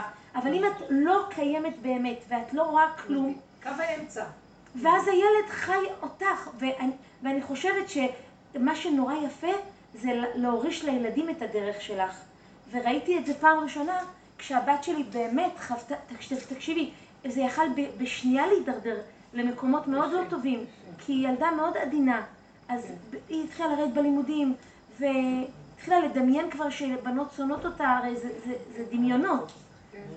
ו, ואם אנחנו ניתן להם את הכלי הזה, שיש, שאת נותנת לנו, ופשוט, ואז זה גם, ואת מכילה משהו קטן, זה גם זמן ייחוד. זה גם נורא מחבר אותך עם הילד. כשאת נותנת לו את מה שיש בך, זה אור, הדרך. אבל ילדים קטנים. ילדים בני חמש גם חיים את הדרך הזאת. אני מנסה לדבר עם, עם, יש לי קטנה, היא בת שלוש וחצי, אז כל הזמן אני אומרת לה, תדברי עם השם, תדברי עם השם, אבל אני לא יודעת איך להעביר לה תראה את הדרך אותך, לא הזאת. שאת עושה, לא יותר מדי. להגיד לה לדבר עם השם, כי אני אגיד לכם את האמת, השם הזה הוא גם דמיון. וואו. תדברי עם השם זה דמיון, תדברי לעצמך, תגידי מה כואב לך, תגידי כואב לי, כמו שאת מדברת איתי, כדבר איש של רעהו, תוציא, כי המטרה היא להוציא, לשמוע, אה, ואחר אוקיי. כך תגידי, את יכולה אחר כך להגיד תפילה, אני לא יודעת מה לעשות, תעזרו לי, השם תעזור לי, סתם. זה לא צריך להתמקד מדי בזה. הנקודה היא של הילד, גם הרבה פעמים ילדים הם, מאוד אמיתיים. אני לא רוצה שנעשה אותם רוחניים. אני רוצה שנעשה אותם אמיתיים. מה אמיתי פה? הם הכי אמיתיים. שאת אמרת לבת שלך, המוח שלך דופק אותך. את מאמינה לו, אז עושה ככה, אחר כך עושה ככה, וזה זה, ובחר זה השנייה, ובחר שלישית. תאמיני לו, כל רגע אומרים משהו, את יודעת, תסגרי, ותרקדי, ותצחקי, ותהני, ותאכלי משהו טוב, ותשחקי ככה, ותביאי חברה שאת אוהבת כרגע, שאוהבת אותך, והכל טוב, זה הכל דמיון. את זה הילד מבין. הם מאוד מבינים את זה, מסכנים, אנחנו הכנסנו אותם לתרבות הזאת ופתחנו להם את המוח. הם מאוד מבינים בקלות את, ה, את, ה, את הנהנתנות הבסיסית, אה, הסיפוקים והמתיקות שיש בכל רגע. אה, אנחנו צריכים לחנך אותם לדחות סיפוקים. כל מיני כאלה, נכון, שאנחנו לא רוצים שהם יהיו כמו חיות, אבל כאשר אימא, הם, הילד רואה, אימא זה קרקע עולם.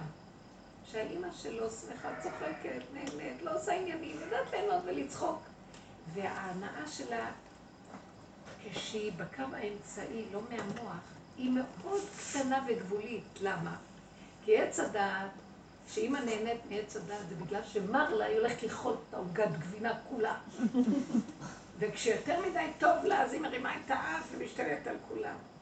אבל כשהיא בקו האמצע והיא בקטנה אוכלת, צוחקת, שותה, היא היא לא מופקרת. אתם מבינים מה אני מתכוונת? היא מדויקת, והיא בריאה בנפשה.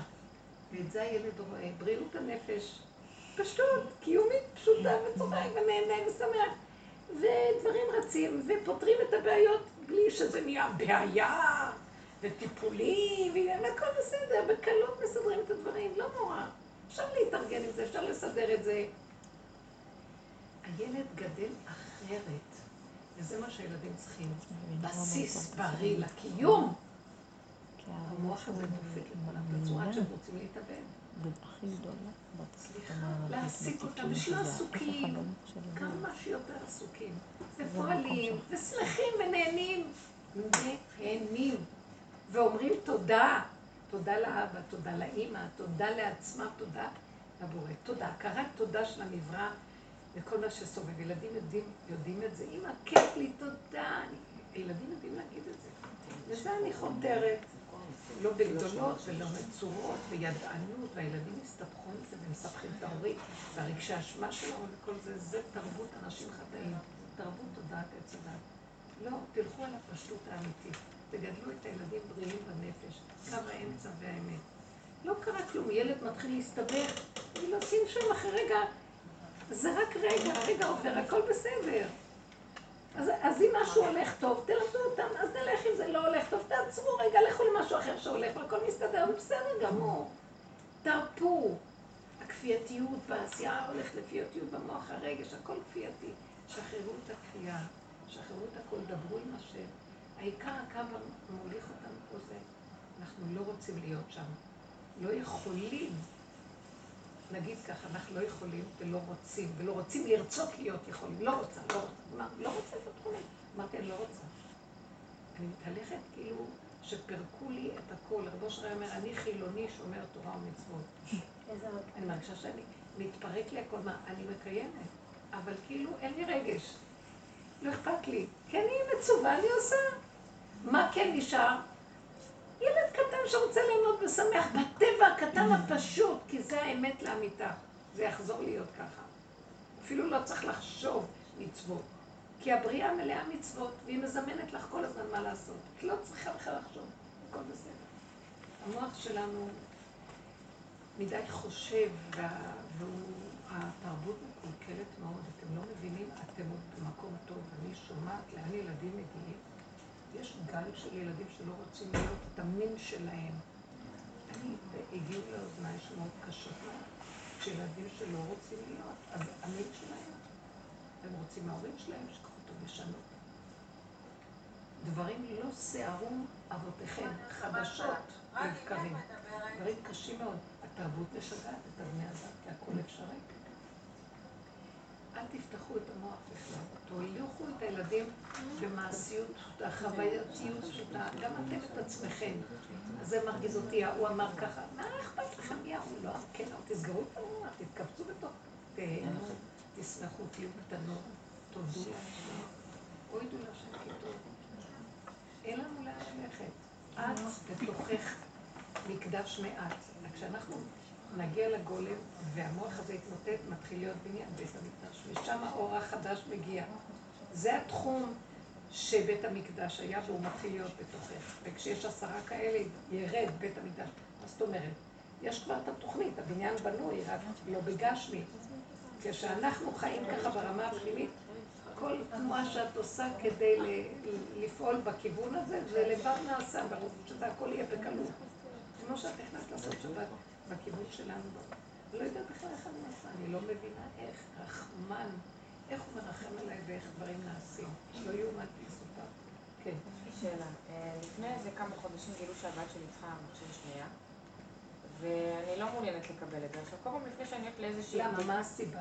לא בא לי שיהיה לה מכשיר שמיעה. רוצים לא, להעביר אותה לגן של... אה, אולי יש איזה משהו, אבל יש היום ניתוחים פשוטים, כפתורים, לא, זה לא, אה, בדקו כפתורים, בדקו באוזן. נוזלים, בדקו הכל. עכשיו, כל פעם שאני הולכת לבדיקה... מה קרה? אני מנסה לסגור את זה, סליחה, לא קרה. אה, אז כל פעם שאני, לפני שאני הולכת לפגישה אצל רופא, מציגים לי את ההערה מכל. הדבר הראשון היה גידול, ואז זה נגמר במכשיר שמיעה. אז אני אומרת, טוב, אולי הוא רוצה להראות לי שאני צריכה לקבל את זה ולא לא לא לקבל את זה. שבוע שעבר היינו, הגענו, אמרו לי, טוב, הגעת לשתל. אני אומרת להם, לא הגעתי לשום שתל. עכשיו, שתל זה משהו ששמים להם מחוץ לראש, וממש ניתוח זה לכל דבר. ניתוח בתוך המוח, כן, זה מנסרים. ניתוח, אמא כן. שלי עברה את זה. אמרתי לפקידה, לא הגעתי לשום אבל יש- משהו של עצם השם, מה שמשתילים בתוך האוזן. כן, כן, כן, כן, זה- זה. זה למה מעולה. זה לא צריכים ללכת עם מין לא, פלסטיק כזה יש אה. מין אה, פלסטיק כן, שפותחים להם כן, פה, כן. והם פשוט מסתובבים. עכשיו, אני אומרת לה, אני לא. הגעתי לשום אני אבל אפשר להכניס את זה. מתחת לשיער, זה לא נורא. לא, זה, זה לא זה לא מעולה, זה... לא- זה לא המצב, אבל כל פעם שאני מגיעה לרופא, כאילו קודם כל נותנים לי את האופציה הגרועה ביותר, ואז אומרים לי, אבל זה רק מכשיר שמיעה, תירגעי. אבל כאילו בתוך תוכי לא בא לי לקבל את זה. למה אתה מחשיב? לא בא לי כלום, בא לי שתהיה כמו שהיא, לא רוצה, אין לה, היא לא אם דיבור, ברוך השם. היא לא, הגננת. היו בשוק, אמרו אין סיכוי. אנחנו עם 30 שנה עם הגן, אנחנו מזהים ילדים שיש להם בעיות, אין סיכוי שהילדה הזאת למה מכשיר? שמיעה. אז למה? כי עשו לה בדיקה אה, שנקראת אה, EEG, וכאילו ראו שזה כבר משהו בעצב וזה מעבר. ואז אמרתי לעצמי, אני לא מתקשרת לאן שאמרו לי, אני לא... יש מומחים לדברים האלה והם עוזרים מאוד לילדים. אז אה, במיכה, בבית מיכה זה נקרא, כן, שתומך דוחים בילדים, זה, ושם כן, הפנו אותי. דוחים. לא הרגשתי שיש לי צורך להתקשר כבר שבוע, אמרתי יאללה, אני ארים את הטלפון והתקשרתי, אמרה לי, צריכה להביא אישור כזה ואישור כזה. עכשיו, אין לי את כל האישורים האלה. עכשיו, כאילו, גם לא בא לי להתאמץ בשביל זה. כי אני אומרת לעצמי, אולי אם אני לא אשים לה את המכשיר שמיעה, היא מסתדרת מצוין. אף אחד לא מאמין שהיא לא שומעת. השאלה אם יכול להיות הידרדרות. אז זה מה שאני לא יודעת, בגלל זה אני לא נכנסת למחשבה הזאת. נכון. אני לא, בגישה שלי זה לא שאנחנו נלך בהפקרות, לא לזה אני מתכוונת. ללכת איפה שנפתח לי, הולך לי ולא בקושי ועמד והגיע. אם אני חושבת שזה מאוד מאוד קשה לי, תישאי תפילה לבורא עולם. פשוט תגידי לו, קשה לי, אני לא יכולה, תעשה שהכל יהיה קל, תראה לי איפה הכיוון, תראה לי. אבל זה כבר לא חוות דעת של רופא, זה חוות דעת של... כאילו, זה בשתי האוזניים או באוזן אחת? באוזן אחת. עשו לה בגלל ממש זה היא בדיקה מסתדרת. בהרדמה מלאה. אה, כן, אף פעם לא היו טעויות בגלל זה היא? מסתדרת, כי זה סתם שתי שלנו, האוזניים לא היה. מצב, היא לא הייתה מדברת. כי אם כולם אומרים שלמה, מדברת למה כבר שתי? שפות. שאת בעצמך, בתור תראי, לי היו טעויות בבדיקת מעבדה. היא היא. לא, היא לא התלוננה, עליתי על זה מתי? היא בקורונה, קצת לפני הקורונה, ישבה, ראתה טלוויזיה, ישבה על הספה, אמא תגבירי, תגבירי, תגבירי, אני לא שומעת. ואז כשהיא עברה לצד השני, היא אמרה לי, וואו, אמא תנמיכי, איזה חזק. ואז אמרתי, מה קורה פה? אולי בגלל זה היא צועקת כל היום, כי היא לא שומעת. ואז התחלתי עם הבדיקות, אבל כאילו כשהתקשרתי היום, היא שיחקה אותי, אני לא זוכרת מה היא ביקשה ממני. כאילו אמרתי לעצמי, אני לא מה מתעסקת בזה. הטפסים שאת צריכה? לא זוכרת, אני צריכה להביא איזה טופס מהגן, וטופס שהגן מה שייך? לאיזה לא ארגון. להביא? ו- כי לא בא לי שיהיה לה מכשיר שמיעה.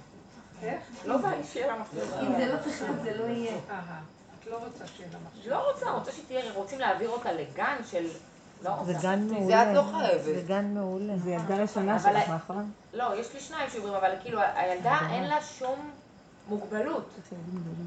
כאילו באמת, הגננת שלו אומרת לי, אין סיכוי, היא משתתפת, היא עונה על הכל, היא לומדת מילים, אין סיכוי. אנחנו מכירים. בגלל שזה אוזן אחת. איזה גן? כאילו לא של לקויי עשיתי שמיעה. כל הדברים. בדיוק. לא ולא בא לי. אם היא משתלבת במקום רגיל, לא חייב. אם היא מתלוננת שקשה לה משהו והיא מתאמצת מדי, יש מקום לא. להקל עליה. היא לא מתלוננת שהבחור שעשה לה את הבדיקה, מיכה, באותו רגע, מצטלמים, בבדיקה, נכון. הוא אומר לי, לקוית דיבור, לא נכון? אמרתי לו, לא. אומר לי, באיזה גיל אתה מדבר? אמרתי לו, שנה וארבעה חודשים, ובגיל שנה ושמונה שתי שפות. פשוט לא מדרדר. לעקוב ולראות לגבי אז זה מה. שאמרתי, אולי אני אעשה לה כל חצי שנה בדיקת שמיעה, לראות שזה לא מידרדר, בדיוק. ושיניחו לי. נכון. אבל כאילו הקולות מהצד, נכון. אימא שלי, תתקשרי, תבדקי, לא, תעשי. לא. יש מקום שהתחושה שלך והידיעה שלך על הילדה וזה, אז כן, תעקבי, שלא יהיה... תשימי את גם אין לי מצפון אם אני לא עושה לה את זה, זה לא מפריע לי. רק הקולות מהצד מציקים לי. זה זה המצפון. לא, זה אימא שלי, התקשרת, התקשרת, בעלי זה- בדק, לא. לא, איזה חסרת אחריות.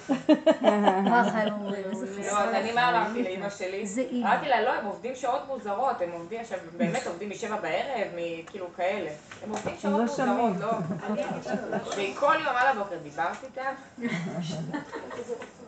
אכפת לך, הילדים שלה. לא, ברור. תקשיבי רגע, מה שאנחנו צריכים לעשות, ואני עכשיו אומרת לכם, קודם כל האקסיומה, האקסיומה של הדבר זה לא להיות במצוקות. תפרקו את המצוקות ותישארו במקום של אני לא יכול להכיל, לא יכול להכיל מצוקות. חוץ מזה שכן צריך לעשות דברים. אז עכשיו תפתח לי דלתות ושיהיה לי קל. אם, אם באמת במחשבה שחשבנו, אחרי כל הנתונים, הגיעה אלייך מחשבה טובה. שהילדה מכל הכיוונים אומרים שהיא בסדר, זה רק פשוט היא נכנסה לסחרחרה של בדיקות. וזה מה שנקרא הרוטינה שלהם. מדבר לדבר לדבר, ככה הם מציעים. ואת לא רוצה להיות החץ למטרה שלהם. כי ככה הם עושים לכולם, כי ככה זה השיטה. ויש לך תחושה חזקה שלא. ומה שהגענו למסקנה זה שכל חצי שנה תעשי לה בדיקה, או כל כמה חודשים. גם מה שבלבל אותי, הם אומרים לי מצד אחד תעשי בדיקות גנטיקה ו-MRI, ומצד שני אומרים לי, אבל תעשי לה את המכשיר שמיעה לפני. אז לא הבנתי, אז מה עושים? שאת- אה, בגלל שאם העצב פגוע, אז אוקיי, אבל למה ה-MRI? למה לעשות, בדיוק, למה לעשות מכשיר זה, קודם? תקשיבי, אז רק עכשיו בוא נגיע, הגענו לאיזה מסקנה. כן, אדם צריך לחשוב רגע ולראות, יכול בקלות לבוא לו איזו הרגשה שהוא יודע שזה בסדר ושקט לו. עכשיו השאלה הבאה, איך הוא מסתדר עם הסובב שמשגעים אותו. דווקא המסקנה שלך מאוד טובה. כל כמה חודשים לעקוב ולראות מה קורה. תגידי, גם הגננת ולכל ה... עכשיו השאלה, מה כן. עושים עם אלה מסביב? אז אם יש לך בהירות פנימית והרגשה נוחה, ואת מתפללת ואת קשובה ואת מבקשת, שלא, וצריכים להיות חזקים בתוך הנפש, שאין עולם, אתם מבינים מה אני מתכוונת? כי ביררתי, כן יש מקום של שכל, לברר, לבדוק, לבדוק, וזה הנקודה שהביאה לי הכי רגיעות ושקט נפשי. אז עכשיו השאלה הבאה, איך אני מתייחסת מול העולם? מול העולם זה כבר לא הבעיה. אין עולם. כלומר, את יכולה גם לשקר. אני נותנת לך אישור. כי כל העולם מלא שקר. אז את יכולה להגיד לאימא, אימא, בסוף הגיעו למסקנה שאחת לכמה זמן נעשה לה בדיקה, בינתיים. את יודעת מה הבעיה אבל? שהיא מגיעה איתי לכל הבדיקות. עכשיו שניידר אמרו מותר רק מלווה אחד, אז פעם ראשונה שהיא לא הגיעה. אז תביאי לי אז אולי זה השאלה. היא התקשרה וישר אחרי הבדיקה, אמרתי לה, צריך מכשיר שמיעה ונטפל בזה כבר. אבל לא דחוף, תגידי, לא עכשיו, לא מחר צריך לעשות אותו. את יכולה להגיד דבר אחר, הם חושבים ש- שצריך מכשיר שמיעה, אבל לא, כרגע הם עושים היום. אבל אני נראה לי שאת לא. רגועה. אז סליחה לא. שאני אומרת את זה, את אני- אומרת אני רגועה-. לגבי הילדה אני שלי אני רגועה מאוד. לא רגועה. אני אומרת לך שאני מאוד רגועה. מאוד. מאוד. שום בעיה, לא מאוד. יותר מזה, המצאתי לאמא אמרתי לה, יש איזה משהו שהוא כמו, אה, שעושים, שהאדם כואב לו משהו, אז עושים איתו טיפולים, פיזיותרפיה. במיכה, כמו פיזיותרפיה לאוזן, שיכולים לרפא והיא לא עכשיו המצאת את רציתי זה? זה להגיד. לך איזה משהו. אם אה, כן? חיפשת משהו, באמת? כן, הם משהו מלמדים אותם לקרוא שפתיים, ילדים. קטנים. על הצד היא יודעת. לא. ואז הם מחפים על החוסר... ש- יש לי בן דוד לדבר. שהיה עושה הרבה... חפשי. עוד אפשרויות. יש. דברים אלטרנטיביים מאוד מאוד טובים. האוסטאופתיה, מה שנקרא, כל השטח הזה מאוד טוב, זה שרירים, שאפשר לאמן את השרירי האוזן שהם אה, מתנוונים קצת. השרירים לפעמים גורמים לעצבים גם להתנוון. אז צריך פשוט לבקש בכיוונים שונים, אם את לא רוצה מכשיר. באמת, ילד קטן זה קשה לו. בקיצור, אבל לא להיות בבהלה מהסובב, וכשאנחנו נבין שאת רואה, יש, יש להם ידע, ויש, הם יכולים להיות שליחים, אבל כשאת רואה את הסערה ואת הבהלה ואת התקיעות ויש לך התנגדות, וגם הכל מצטרף, תבדקו לפי הסיבה של עצמכם, ותגידו, אנחנו רוצים שזה יהיה משהו אחר, שלום, אתה לא יכול לסדר שזה יהיה בצורה אחרת. תעזור לי, תעזור לי שזה יהיה בצורה חלקה, שאני רגועה, ילדה תקבל את המיטב, ולא יצטרכו להיכנס לכל המערכות האלה של ה... זה מערכות קשות, הן מערכות אה, של אה, תודעת עץ הדת של השטן. הרפואה היום היא לא דבר פשוט, מסוכנת. יותר טוב לא להתוודע לרשויות האלה, מה שכן. מה שאפשר לנסות לעקוף ולסדר את זה בצורה אחרת, פשוטה, אני מאוד ממליצה. כי אנשים מסתבכים, והם כל כך, גם העולם הזה הוא מלא דת, מרוב דת, מבולבל כבר. ואז הוא יכול להכשיל את האנשים ולעשות להם דברים שלא צריך, ולעשות כל מיני דברים שלא לעניין. אז זה כבר, לפעמים אנחנו לא רוצים להגיע לשם, כי אנחנו עוד מספר אצלהם, תבינו, זה לא פשוט. אבל אצל השם כתוב, אם בפרשת משפטים, על הנושא של הרופא, על עבד עברי, שמכים אותו, לא חשוב, לא עבד או כל אחד. אם אדם היכה מישהו ואחר כך הוא עשה לו נזק, אז שבטו ייתן ורפו ירפא. יש דברים שהוא צריך לעשות, צער, נזק, בושת, אה, ריפוי, אה, לס- לסדר לו את הנזק שהוא עשה לו. אז כתוב שם ורפו ירפא. אז רש"י אומר, למה כתוב פעמיים רפו ירפא? מכאן שניתנה רשות לרופא לרפא. כי כשהרופא מרפא מערכת אחת בטבע, אז יכול גם לקלקל מערכת שנייה. ואילו בסוף הפרשה כתוב, אם שמוע תשמע בקול השם אלוקיך, וישר בעיניו תעשה, ועזרת לי מצוותיו, שמרת כל חוקיו, כל המחלה אשר שמתי במצרים לא אשים עליך כי אני השם רופאיך. וכתוב, אני השם רופאיך פעם אחת, כי כשהשם מרפא, הוא מרפא את כל המערכות, בנקודה אחת הכל טוב, וזה לא, זה לא חסר וזה נהנה והכל בסדר. לא כמו שרופא של טבע. אז אנחנו לא רוצים להגיע למקומות האלה, כי יכול להיות שייתנו משהו אחר, ומצד שני משהו אחר יתחיל להיות בעיה. ואנשים מתגלגלים עם בעיות כאלה בלי סוף, ומצטערים, לא יודעים למה התחילו, לא התחילו, מאמינים מדי מדי למערכת הזאת. אז אם כן, אנחנו לא רוצים את תודעת עץ הדת, ובזה נסכם. תודעת עץ הדת בכל הכיוונים. בגללה אנחנו סובלים בכדור הזה, כי אדם אכל לרגע אחד, וכל התיקון הזה צריך להיגמר. אנחנו בסוף האלף השישי. דוד המלך תיקן את חטא אדם הראשון. שהאדם הראשון שהשם פוגש אותו בגן, אחרי שהוא חטא, אומר לו, אייכה, קול של השם מתהלך בגן, אייכה, המן העץ אשר ציוויתיך לבלתי יכול, אכלת? אכלת מעץ הדת? מה הוא עושה? הוא כבר אכל מהעץ, אז הפסיכולוגיה של העץ פועלת עליו. הוא נבהל, אה, מתכסה, מכסה את חטאו ואת הפגם שלו, כי כבר זה לא יפה הפגם. קודם התהלכו בגן ערומים ולא התפששו. עכשיו כבר יש, הייתי צריכה להיות כמו אלוקים, אז הייתי צריכה להיות כמו אלוקים, ועכשיו תראה מה קרה לך, אז הוא מתכסה ומחפש את מי להאשים. כי זה הופך להיות טוב מול רע, וכן, אה, עולם היחסים, זה מול זה, זה מול זה, אז אם אני צדיק, אז צריך להיות מישהו שהוא אשם פה, זה אשתי. זה כל הפסיכולוגיה של הכדור. ואין לנו מנוס ואין לנו יציאה מהדרך הזאת. רק דבר אחד. בא דוד המלך, והוא עוד נתן את התיקון, כי אמרו חז"ל, האדם הראשון חי אלף שנה, לפחות שבעים שנה. כשהוא ראה את נשמת דוד המלך, כי הוא ראה את כל הנשמות שבאות לעולם לפני שהוא חטא. הוא אמר, איזה נשמה מיוחדת, והיא צריכה להיות נפל, אני נותן לה שבעים שנה לחיות. כזאת נשמה מיוחדת, ייחודית.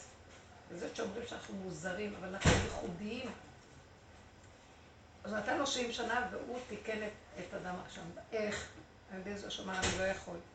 כל הניסיונות שבעולם שלח לו. מה שהוא לא היה עשה, ואין אחד שלא רוצה להצליח, הוא היה מלך. מה שהוא לא עשה, חורבן. מה שלא עשה, ביזיון. מה שלא עשה, נדפק לו. כלום. עד שהוא הגיע לנקודה שהוא הבין, והוא אמר, חטאתי נגדי תמיד. אני פגום. אני אמורה הייתי להיות נפל. אם אני חי זה רק נס שאני בכלל נושם. אני באתי לעולם כדי להגיד לך שאני לא. ואז הוא הבין שזה התיקון שהיה צריך לעשות עם השבעים שנה שלו. מה שאדם ראשון לא יכול להגיד, היה צריך להגיד להשם, סליחה שחטתי מהעץ, מה אני אגיד לך אחרי? לא הייתי צריך, אבל ברגע חטאתי, מה אני אעשה? סליחה, סליחה, לא יכולתי אחרת. בא דוד המלך ואמר, אני לא יכול להצליח, אין מצב, גם אם אני חושב שאני מצליח, רק אתה נותן לי. אז האמת של הבן אדם זה שהוא לא יכול כלום. אז תן לי להודות באמת. והוא הודה מול השם, חטאתי נגדי תמיד. בהמות הייתי עמך, ואנוכי בא ולא אדע, בהמות הייתי עמך. כשהוא הודה את הדבר הזה, אמרו חז"ל, הוא תיקן את חטא אדם הראשון. עכשיו, דוד המלך זה סוף הדורות, וזו עבודה שאנחנו עושים. זו עבודת אליהו הנביא, דוד המלך. מה התכלית? להגיד לא יכול קשה עלינו, גדול עלינו, תרחם עלינו, ריבונו של עולם. גם את תבדקי את עצמך לא להיות מדי אחוזה בילדה. רק תמיד תסמיכי את זה לעצמך ותגידי, אתה נתת לי אותה, ואני ילדה בדיוק כמוה, ואין לי כוח לכל המערכות האלה. לא יכולה לעמוד מול המערכות האלה, אני מסתבך, אני אלך בגדלות, שיגעון הגדלות שלהם, אני לא יכולה. אתה כאן יכול לפתוח לי פתח ולסדר שהכל יסתדר הכי טוב במקום הכי מתוק, באיזון הנכון שמתאים לילדה הזאת. תעזור לי. פשוט, תמציאו את התפילות שלנו. תישארו בלא יכול. ותבקשו את הרחמים של הכל יכול, וזה כל הסיפור לעשות, ובזאת ייבנה בית המקדש. לא בישות של כמה עוד מוכן וטוב אלא תגידו, אנחנו, אה, אנחנו צמים, אנחנו לא יכולים לפרק את הימים האלה, אבל אני כבר עושה את זה כאילו, אני יודעת מי אני, ולא אכפת לי כלום. אני עושה כי כפה הר גיגית, בלי להתנדב, בלי הרגשות, בלי תחושות, בלי חיוביות וכל הנגנב על הדבר הזה, ככה וזהו. ברמה הזאת, אם אנחנו נגיד לו את האמת שלנו, כל אחד והחיסרון שלו, זאת צריכה שידוך, זה צריך, זה ילד, זה... לא, אני לא מבקשת שיהיה לי ילד כדי שהוא יהיה גדול בתורה, שיהיה לי בעל כדי שאני אהיה אשת אברך או מה לא. אני רוצה שיהיה מישהו שיאהב אותי ויפנק אותי, ויפרנס אותי וייתן לי ושאני אשמח בו. תמיד תגידו את האמת שלכם כמו ילד קטן, את זה השם שומע ואוהב. כי לכסות את הכל ולראות כאילו לא, אנחנו באים... אה, עם הילדה, תגידי, אני ילדה יותר ממנה, אין לי כוח להכיל את זה. זה מבזה אותי. זה מה שאני אני לא מרגישה כל כך. גם את תגידי, אני לא יכולה לסדר לו את החיים שלו. אני, זה ברור. אם אנחנו נראה את כל המשפחתיות שלנו, אין אחד שלא דיסלקט בסבא, בסבתא וזה, אבל פעם לא ידעו את זה. היום זה, זה אותו דבר, גמרנו, מה קרה? איזה יופי, נחזור להיות, סתם אנחנו יודעים, וירטואלית, אין לנו תקנה לחסרונות שלנו. כאילו יש לנו הר של ידע וספריות, וזה סתם תקוע חבל עליו. שמזכה לנו, ייבנה בית המקדש, בזכות נקודת האמת וההכנעה. אמן. תודה רבה.